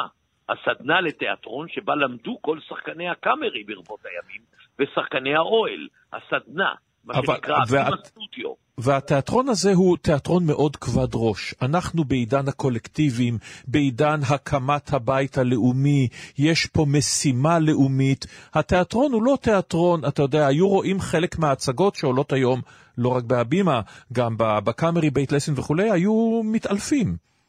תראה, אני ראיתי בתור ילד בנס ציונה בשנות ה-60 גם את 12 המושבעים, גם את, את בראשית. בפעם הראשונה שליה קניג פתחה את הפה בעברית, אמנם בפעם הראשונה היא שיחקה באדון פונטילה ומתי משרתו, אבל פתחה את הפה כחווה ממנו במחזה הנפלא של אהרון מגד על ספר בראשית, כשברטונוב משחק את אלוהים ובוכמן משחק שם גם תפקיד ראשי. אני ראיתי באמפיתיאטרון בנס ציונה הצגות מופלאות של הבימה, ונשביתי בקסם התיאטרון. גם הקאמרי, אבל הבימה היה הסיפור הגדול. עכשיו, אתה הגעת להבימה, אתה הגעת כ- כ- כמשימה, נקרא לה משימה לאומית. התיאטרון ירד מגדולתו. אני הגעתי כשהפימה הוכרזה כפושטת רגל, מה שנקרא הקפאת הליכים, על ידי נשיא בית המשפט המחוזי, השופט איתן אורנשטיין, שהכריז על הבימה כחדלת פירעון. חובות של מעל 100 מיליון ש"ח, אין אבא ואין אימא, מונו שני נאמנים, עורכת דין דורית לוי טילר ורואה חשבון חן ברדיצ'ב, הם מונו ב-25 בנובמבר, וב-1 לדצמבר הם קבעו איתי פגישה בבית קפה דובנוב בתל אביב, והציעו לי להיות מנכ"ל הבימה. התלבטתי שלושה ארבעה ימים, דיברתי עם השמיים למעלה והשמיים למטה והאדמה, והגעתי למסקנה שזה צו שמונה לציונות, לא סוגרים מוסד תרבותי מפואר כזה, והתגייסתי מאותו יום, כל כולי, כולל הרגע הזה שאני מדבר איתך, אני מגויס למען הבימה. עכשיו, אתה פרסמת, בוא נעבור רגע מהבימה אל נועם סמל. פרסמת לא מכבר ספר, כניסת נכון. אומנים, בהוצאת מטר, שהוא ספר נהדר ומשעשע, והספר הזה הוא... נקרא לו אנקדוטות וסיפורים מחויכים, לא מכופתר, על חייך בעולם היצירה, אז בוא נדבר טיפה על מעברו של נועם סמל מפרח עורכי דין אל אה, אחד מאנשי התרבות המשפיעים במדינת ישראל. על מי אתה מתכוון? לאלתרמן, או לפשנל, או לשמואל בונים, או למי? כולם? אבל אתה יודע, אתה היית, לא, אני דיברתי במקרה הזה גם עליך, אדם שהיה שם, שראה את הדברים, וגם השפיע אה, השפעה אדירה. אה, מכל הדברים שראית ועשית וה- והעלית וכולי וכולי, תן אנקדוטה אחת מייצגת. תראה, אני אדבר על אלתרמן, שבאמת יצקתי מים על ידיו במחזה או בהצגה שקראו לה ערב פזמוני אלתרמן. הייתי גם עוזר במאי, גם מנהל ההצגה, גם הסדרן, גם וגם אלתרמן הכתיר אותי בפעם הראשונה בחיי כמנהל אדמיניסטרטיבי. וכך כתוב בתוכניה של ההצגה. ההצגה לא הלכה.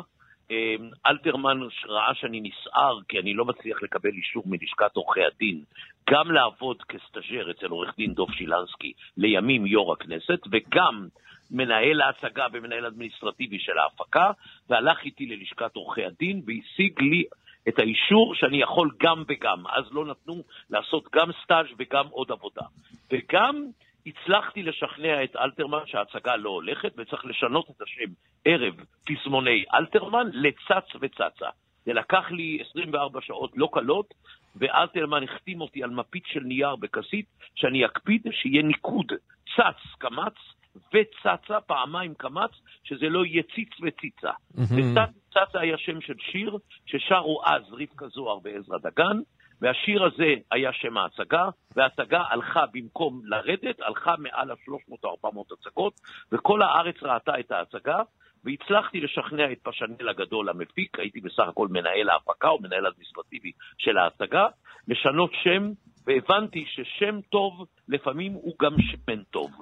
וזה בפעם הראשונה בחיי, ואלתרמן נתן לי גיבוי, ובוא נגיד שאני נסמך על, על, על אדם גדול מאוד, שלמדתי ממנו הרבה מאוד כמובן. מכל ההצגות שהעלית בעולם הבידור, בעולם התיאטרון, מכל הפרויקטים הגדולים והחשובים, ואני אומר את זה בלי שמץ של ציניות או אירוניה, מה ההצגה שאתה גאה בה יותר מכל? אני חושב שההצגה השכבה של חנוך לוין, שנכתבה שהוא כבר היה חולה בסרטן, הוא כתב אותה בדם ליבו, והגיש לנו אותה לקאמרי, אני ועומרי ניצן לצידי, והחלטנו לעשות אותה מיד, וזה לקח תשעה חודשים ללדת אותה, כי הוא כל הזמן היה בטיפולים כימותרפיים, וההצגה מתארת, היא מבוססת על שלושה סיפורים קצרים של צ'כוב, ועם ההצגה הזאת שהעלינו אותה במרץ 1999, זאת ההצגה האחרונה שהוא הספיק לביים וגם לכתוב, וזאת ההצגה שפרצה את הפרצה הגדולה ואת השדרה הגדולה של כל התיאטרון הישראלי לעולם. עם ההצגה הזאת יצאתי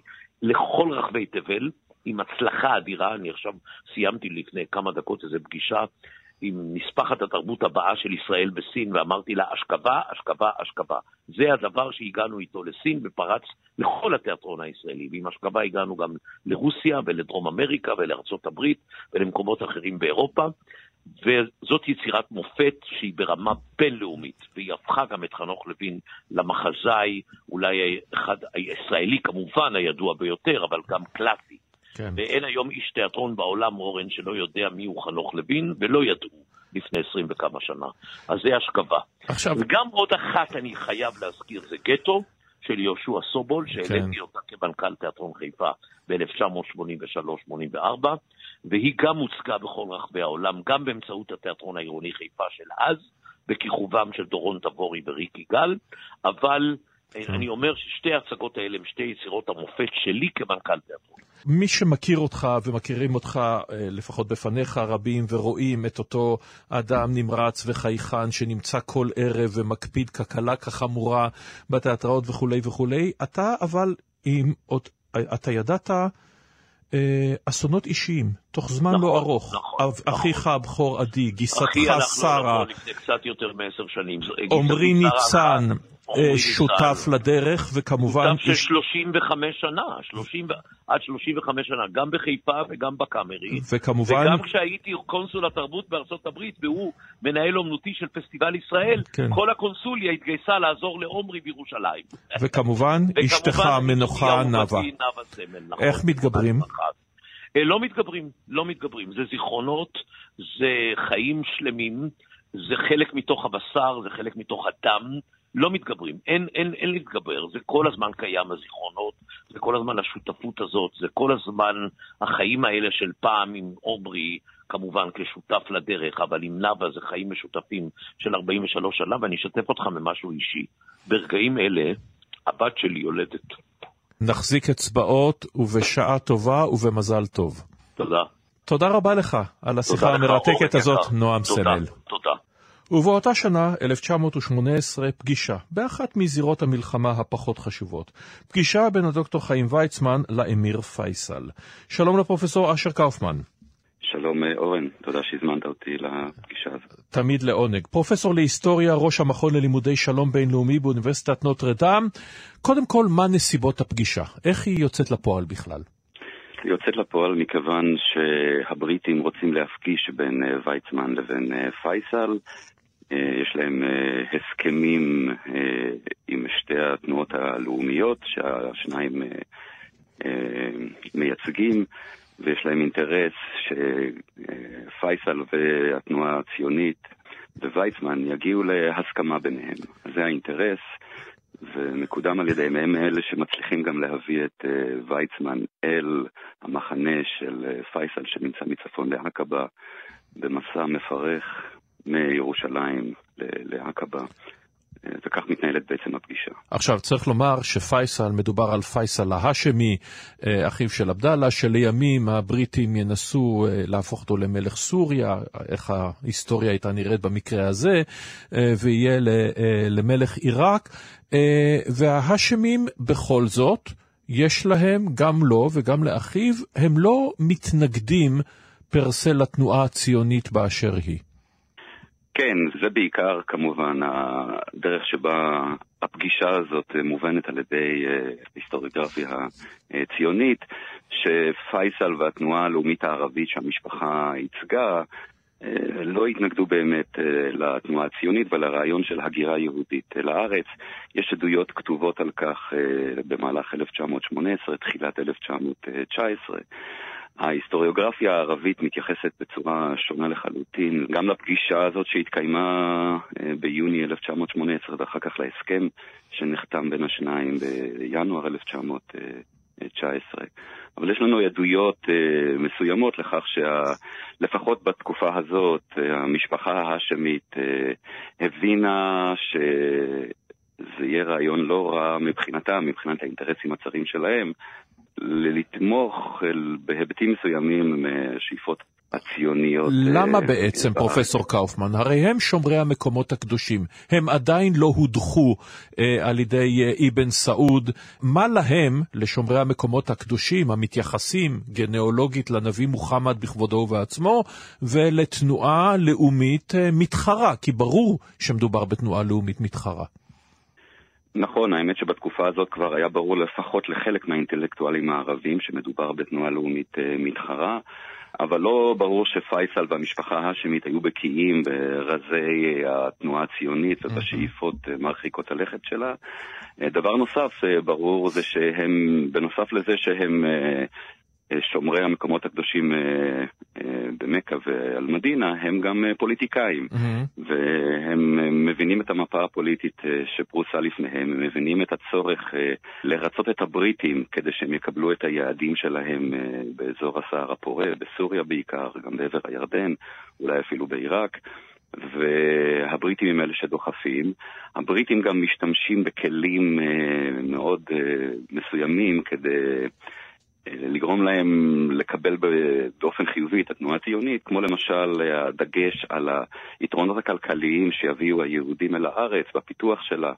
ואפשר לראות שזה שב ועולה בפגישות בין פייסל לוויצמן, ואחר כך בהסכם עצמו, שהדגש הוא שהיהודים יביאו רווחה כלכלית, פיתוח כלכלי לאזור, שזה יתרום לא רק ליהודים אלא גם ל... התושבים הערבים. בעצם מה שאנחנו יותר ממאה שנה אחר כך חוזרים לנושא הזה של מנסים לעקוף את המכשולים הפוליטיים והאידיאולוגיים על ידי פנייה לכלכלה. לא הצליח אז ואני לא חושב שיצליח היום. כן, אפשר לראות את זה בצורה הזאת, אפשר גם uh, לראות את הדימוי של היהודים והתנועה הציונית uh, בעיני גם uh, פייסל, אבל גם בעיני הבריטים. אתה יודע, רבים שואלים למה הבריטים בכלל כתבו את הצהרת בלפור, מה היה האינטרס שלהם? הרי התנועה הציונית הייתה כל כך שולית ובלתי חשובה בזירה הבינלאומית. ואחת הסיבות לכך זה שהיה דימוי מוגזם לכוחה של התנועה הציונית ושל היהודים mm-hmm. בעולם. אם תרצה, אולי אפילו קצת אה, בסיסים אנטישמיים אה, לכך. וכוח כלכלי שיכול לא, זה חד, זה חד משמעי אנטישמי, אבל זה אנטישמיות שהיהודים, ודאי ישראל, השתמשו בה, אתה יודע, כן. של ההשפעה האדירה, והם חשבו שיש השפעה על רוסיה, כי הרי רבים מאוד נכון. מהמנהיגים הקומוניסטים הם יהודים, ואולי גם כן. ארצות הברית. עכשיו, ויצמן, כדאי להגיד עליו כמה מילים. יש לנו את הדימוי הזה של האדם שנדחק, שבן גוריון דחק אותו, צריך לומר את האמת, מההיסטוריוגרפיה, אבל באותן שנים הוא חשוב לאין שיעור מבן גוריון, והאמת גם אחר כך, הוא המנהיג הציוני בה"א הידיעה, המוכר בעולם. כן, הוא המנהיג הציוני בה"א הידיעה, הוא לא אה, נשיא ההסתדרות הציונית בזמן שהוא מנהל את המשא ומתן עם... אה, עם uh, פייסל, אבל הוא בפירוש המנהיג הציוני, הוא הקשר של התנועה הציונית uh, לבריטניה, שזה התפקיד הקריטי ביותר שהוא, uh, שהוא מחזיק. Mm-hmm. כך שבעצם הבריטים בבירור בוחרים בו לנהל את המשא ומתן הזה עם, עם פייסל, מתוך הכרה במעמדו הבכיר. אז עכשיו השאלה המתבקשת, האם יכולנו להימנע ממאה ויותר שנים של סכסוך. האם פה הייתה נקודה שבה העימות בין שתי התנועות הלאומיות יכול היה לעלות על פסים אחרים, או שפשוט אה, אין אפשרות בעצם, שאם יש שתי תנועות לאומיות חזקות המעוניינות באותה פיסת ארץ, אין מנוס מעימות אלים? כן, אתה יודע, זה, זה מה שנג'יב עזורי, הערבי האינטלקטואל, כתב כבר ב-1905 בספרו ההתעוררות אה, של האומה הערבית, לרבי דה לנסיון ערב, על כך שבעצם אה, המאה ה-20 תהיה מאה שתתאפיין במלחמה בין התנועה הלאומית היהודית לבין הערבית על הארץ, והחזקה תנצח. אה, אתה יודע, לגבי השאלה האם ההיסטוריה הייתה יכולה להיכתב אחרת, זו שאלה קשה עבור היסטוריונים. אני יכול לומר שב-1918-1919 גם פייסל וגם אה, ויצמן ניהלו משא ומתן מייצגים ישויות לא קיימות. Mm-hmm. ויצמן כמובן היה, הייתה תנועה ציונית, אבל לא באמת היה, לא הייתה ישות ציונית uh, בת קיימא uh, בארץ. אז הם ניהלו משא ומתן בשם ישויות לא, לא קיימות, באמת אי אפשר היה לדעת איך הדברים התנהלו.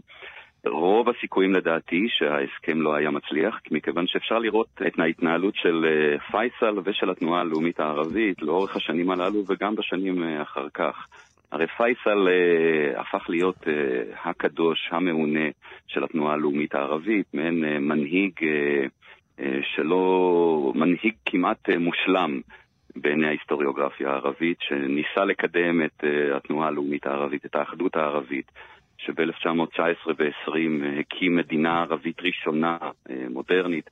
הקולוניאליזם המערבי, האירופאי, הבריטי והצרפתי בעצם אה, מנע ממנו להגשים את אותה אה, מדינה, מדינה ערבית. כן. ולכן יש מעין איזה כתם כזה בסיפור של המשא ומתן שלו עם ויצמן, שממש ממש כמעט נמחק מההיסטוריוגרפיה הערבית, ואפילו כבר בחודשים הללו שהמשא ומתן התקיים, היו ערבים שכתבו שלא יכול להיות שהוא היה מגיע להסכם שכזה, שהוא בטח אה, נכפה עליו על ידי אה, לורנס, או שאפילו, יש אפילו אה, טענות שלורנס הוא זה שזייף את המכתב המפורסם בין פייסל לבין ויצמן. טוב, פה אנחנו כבר מגיעים לאותן מואמרה, על המזימות האלה, לאותן תיאוריות קונספירציה. כן.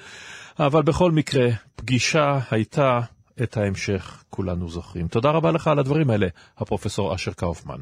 תודה לך.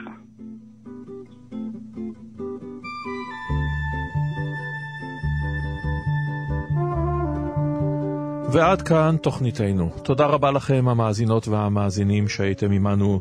תודה רבה למאיה טלמון עזרזר, המפיקה ועורכת המשנה. תודה רבה לאמיר שמואלי, אשר על הביצוע הטכני. מיד יהיה כאן שלום קיטל עם יומן השבוע. אני אורן נהרי, להתראות בשבוע הבא.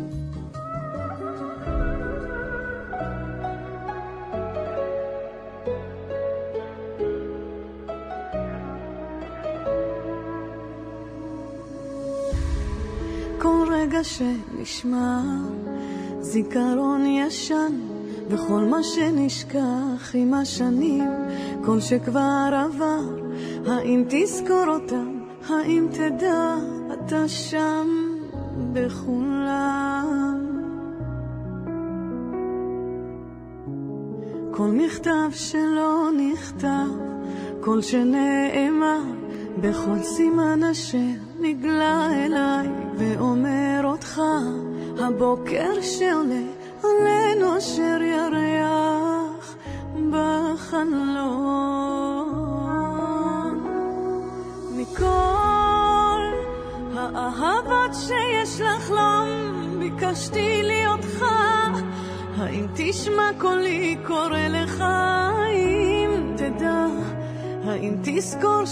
יפות, את לחישת קולך, את מגע ידך מכל האהבת שיש לחלום, ביקשתי ליאותך, אתה רחוק ממני וליבי חסר אותך,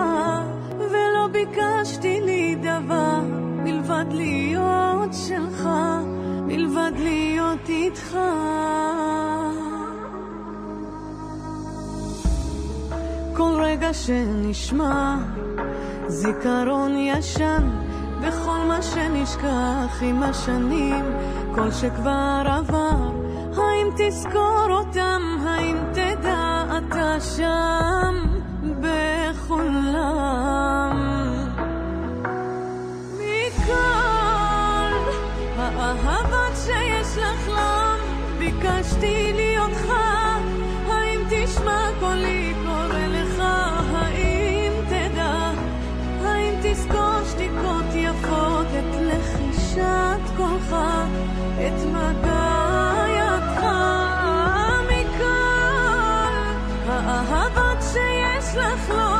לחלום, ביקשתי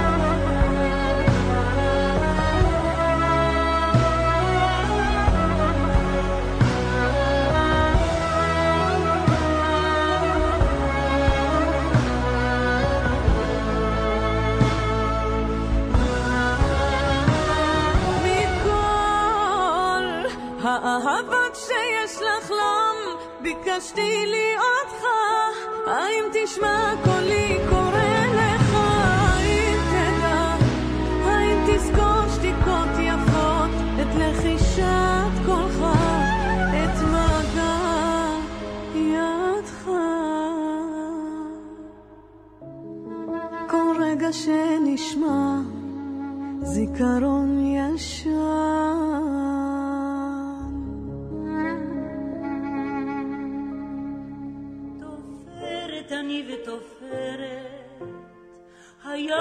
לא יחדל מלנהום, אני את פניך זוכרת, כאילו היה זה היום. אך כמה צחקנו אי פעם, ראשי המטולטל כה הזהיר. היה לימים איזה טעם של עץ תפוחים באוויר. אמרתי תבוא בין ארבעים, אותי לטיול להזמין. כתובתי הגליל מספר שתיים, קומה ראשונה מימין. צריך לצלצל פעמיים, צריך לחכות רגע קר, ואז נפתחות הדלתיים, ואז נפגשים במבט. צריך לצלצל פעמיים, לבוא ולומר ערב טוב, נכנסתי אלייך בינתיים, כיוון שעברתי ברחוב.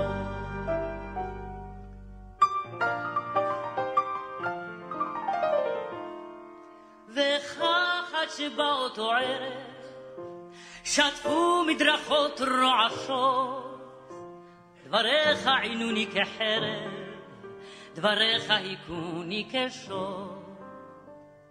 שתקתי דבר לא ידעתי, חנקוני דמעות בגרון. נפרדנו לפתע שמעתי, בפתח צלצול פעמון.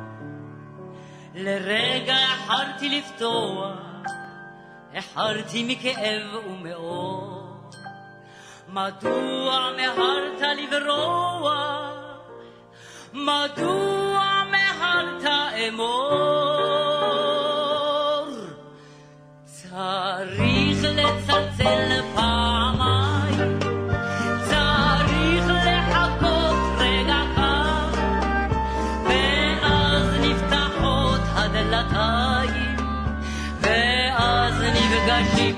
במבט.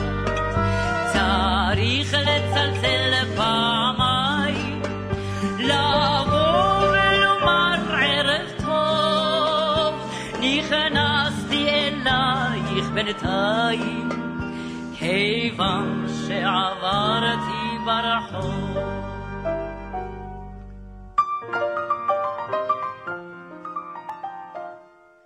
תופרת אני ותופרת, הים לא יחדל מלנהור, אני את פניך זוכרת, כאילו היה זה היום. אם ערב יהיה ותבוא, שנית פה ברחוב לעבור. תזכור כי בבית מרגוע, תזכור כי דולק בו האור. תבוא אם תרצה כמו נער, דבר לא צריך לחדש. אין צורך בבכי וצער, סליחה לא צריך לבקש. צריך לצלצל פעמיים,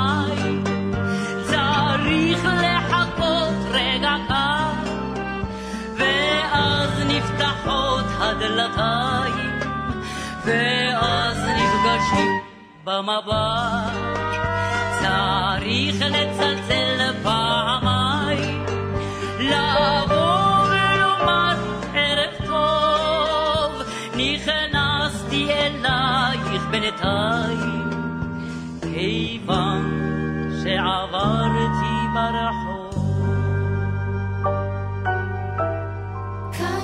רשת ב' רק העובדות מדברות.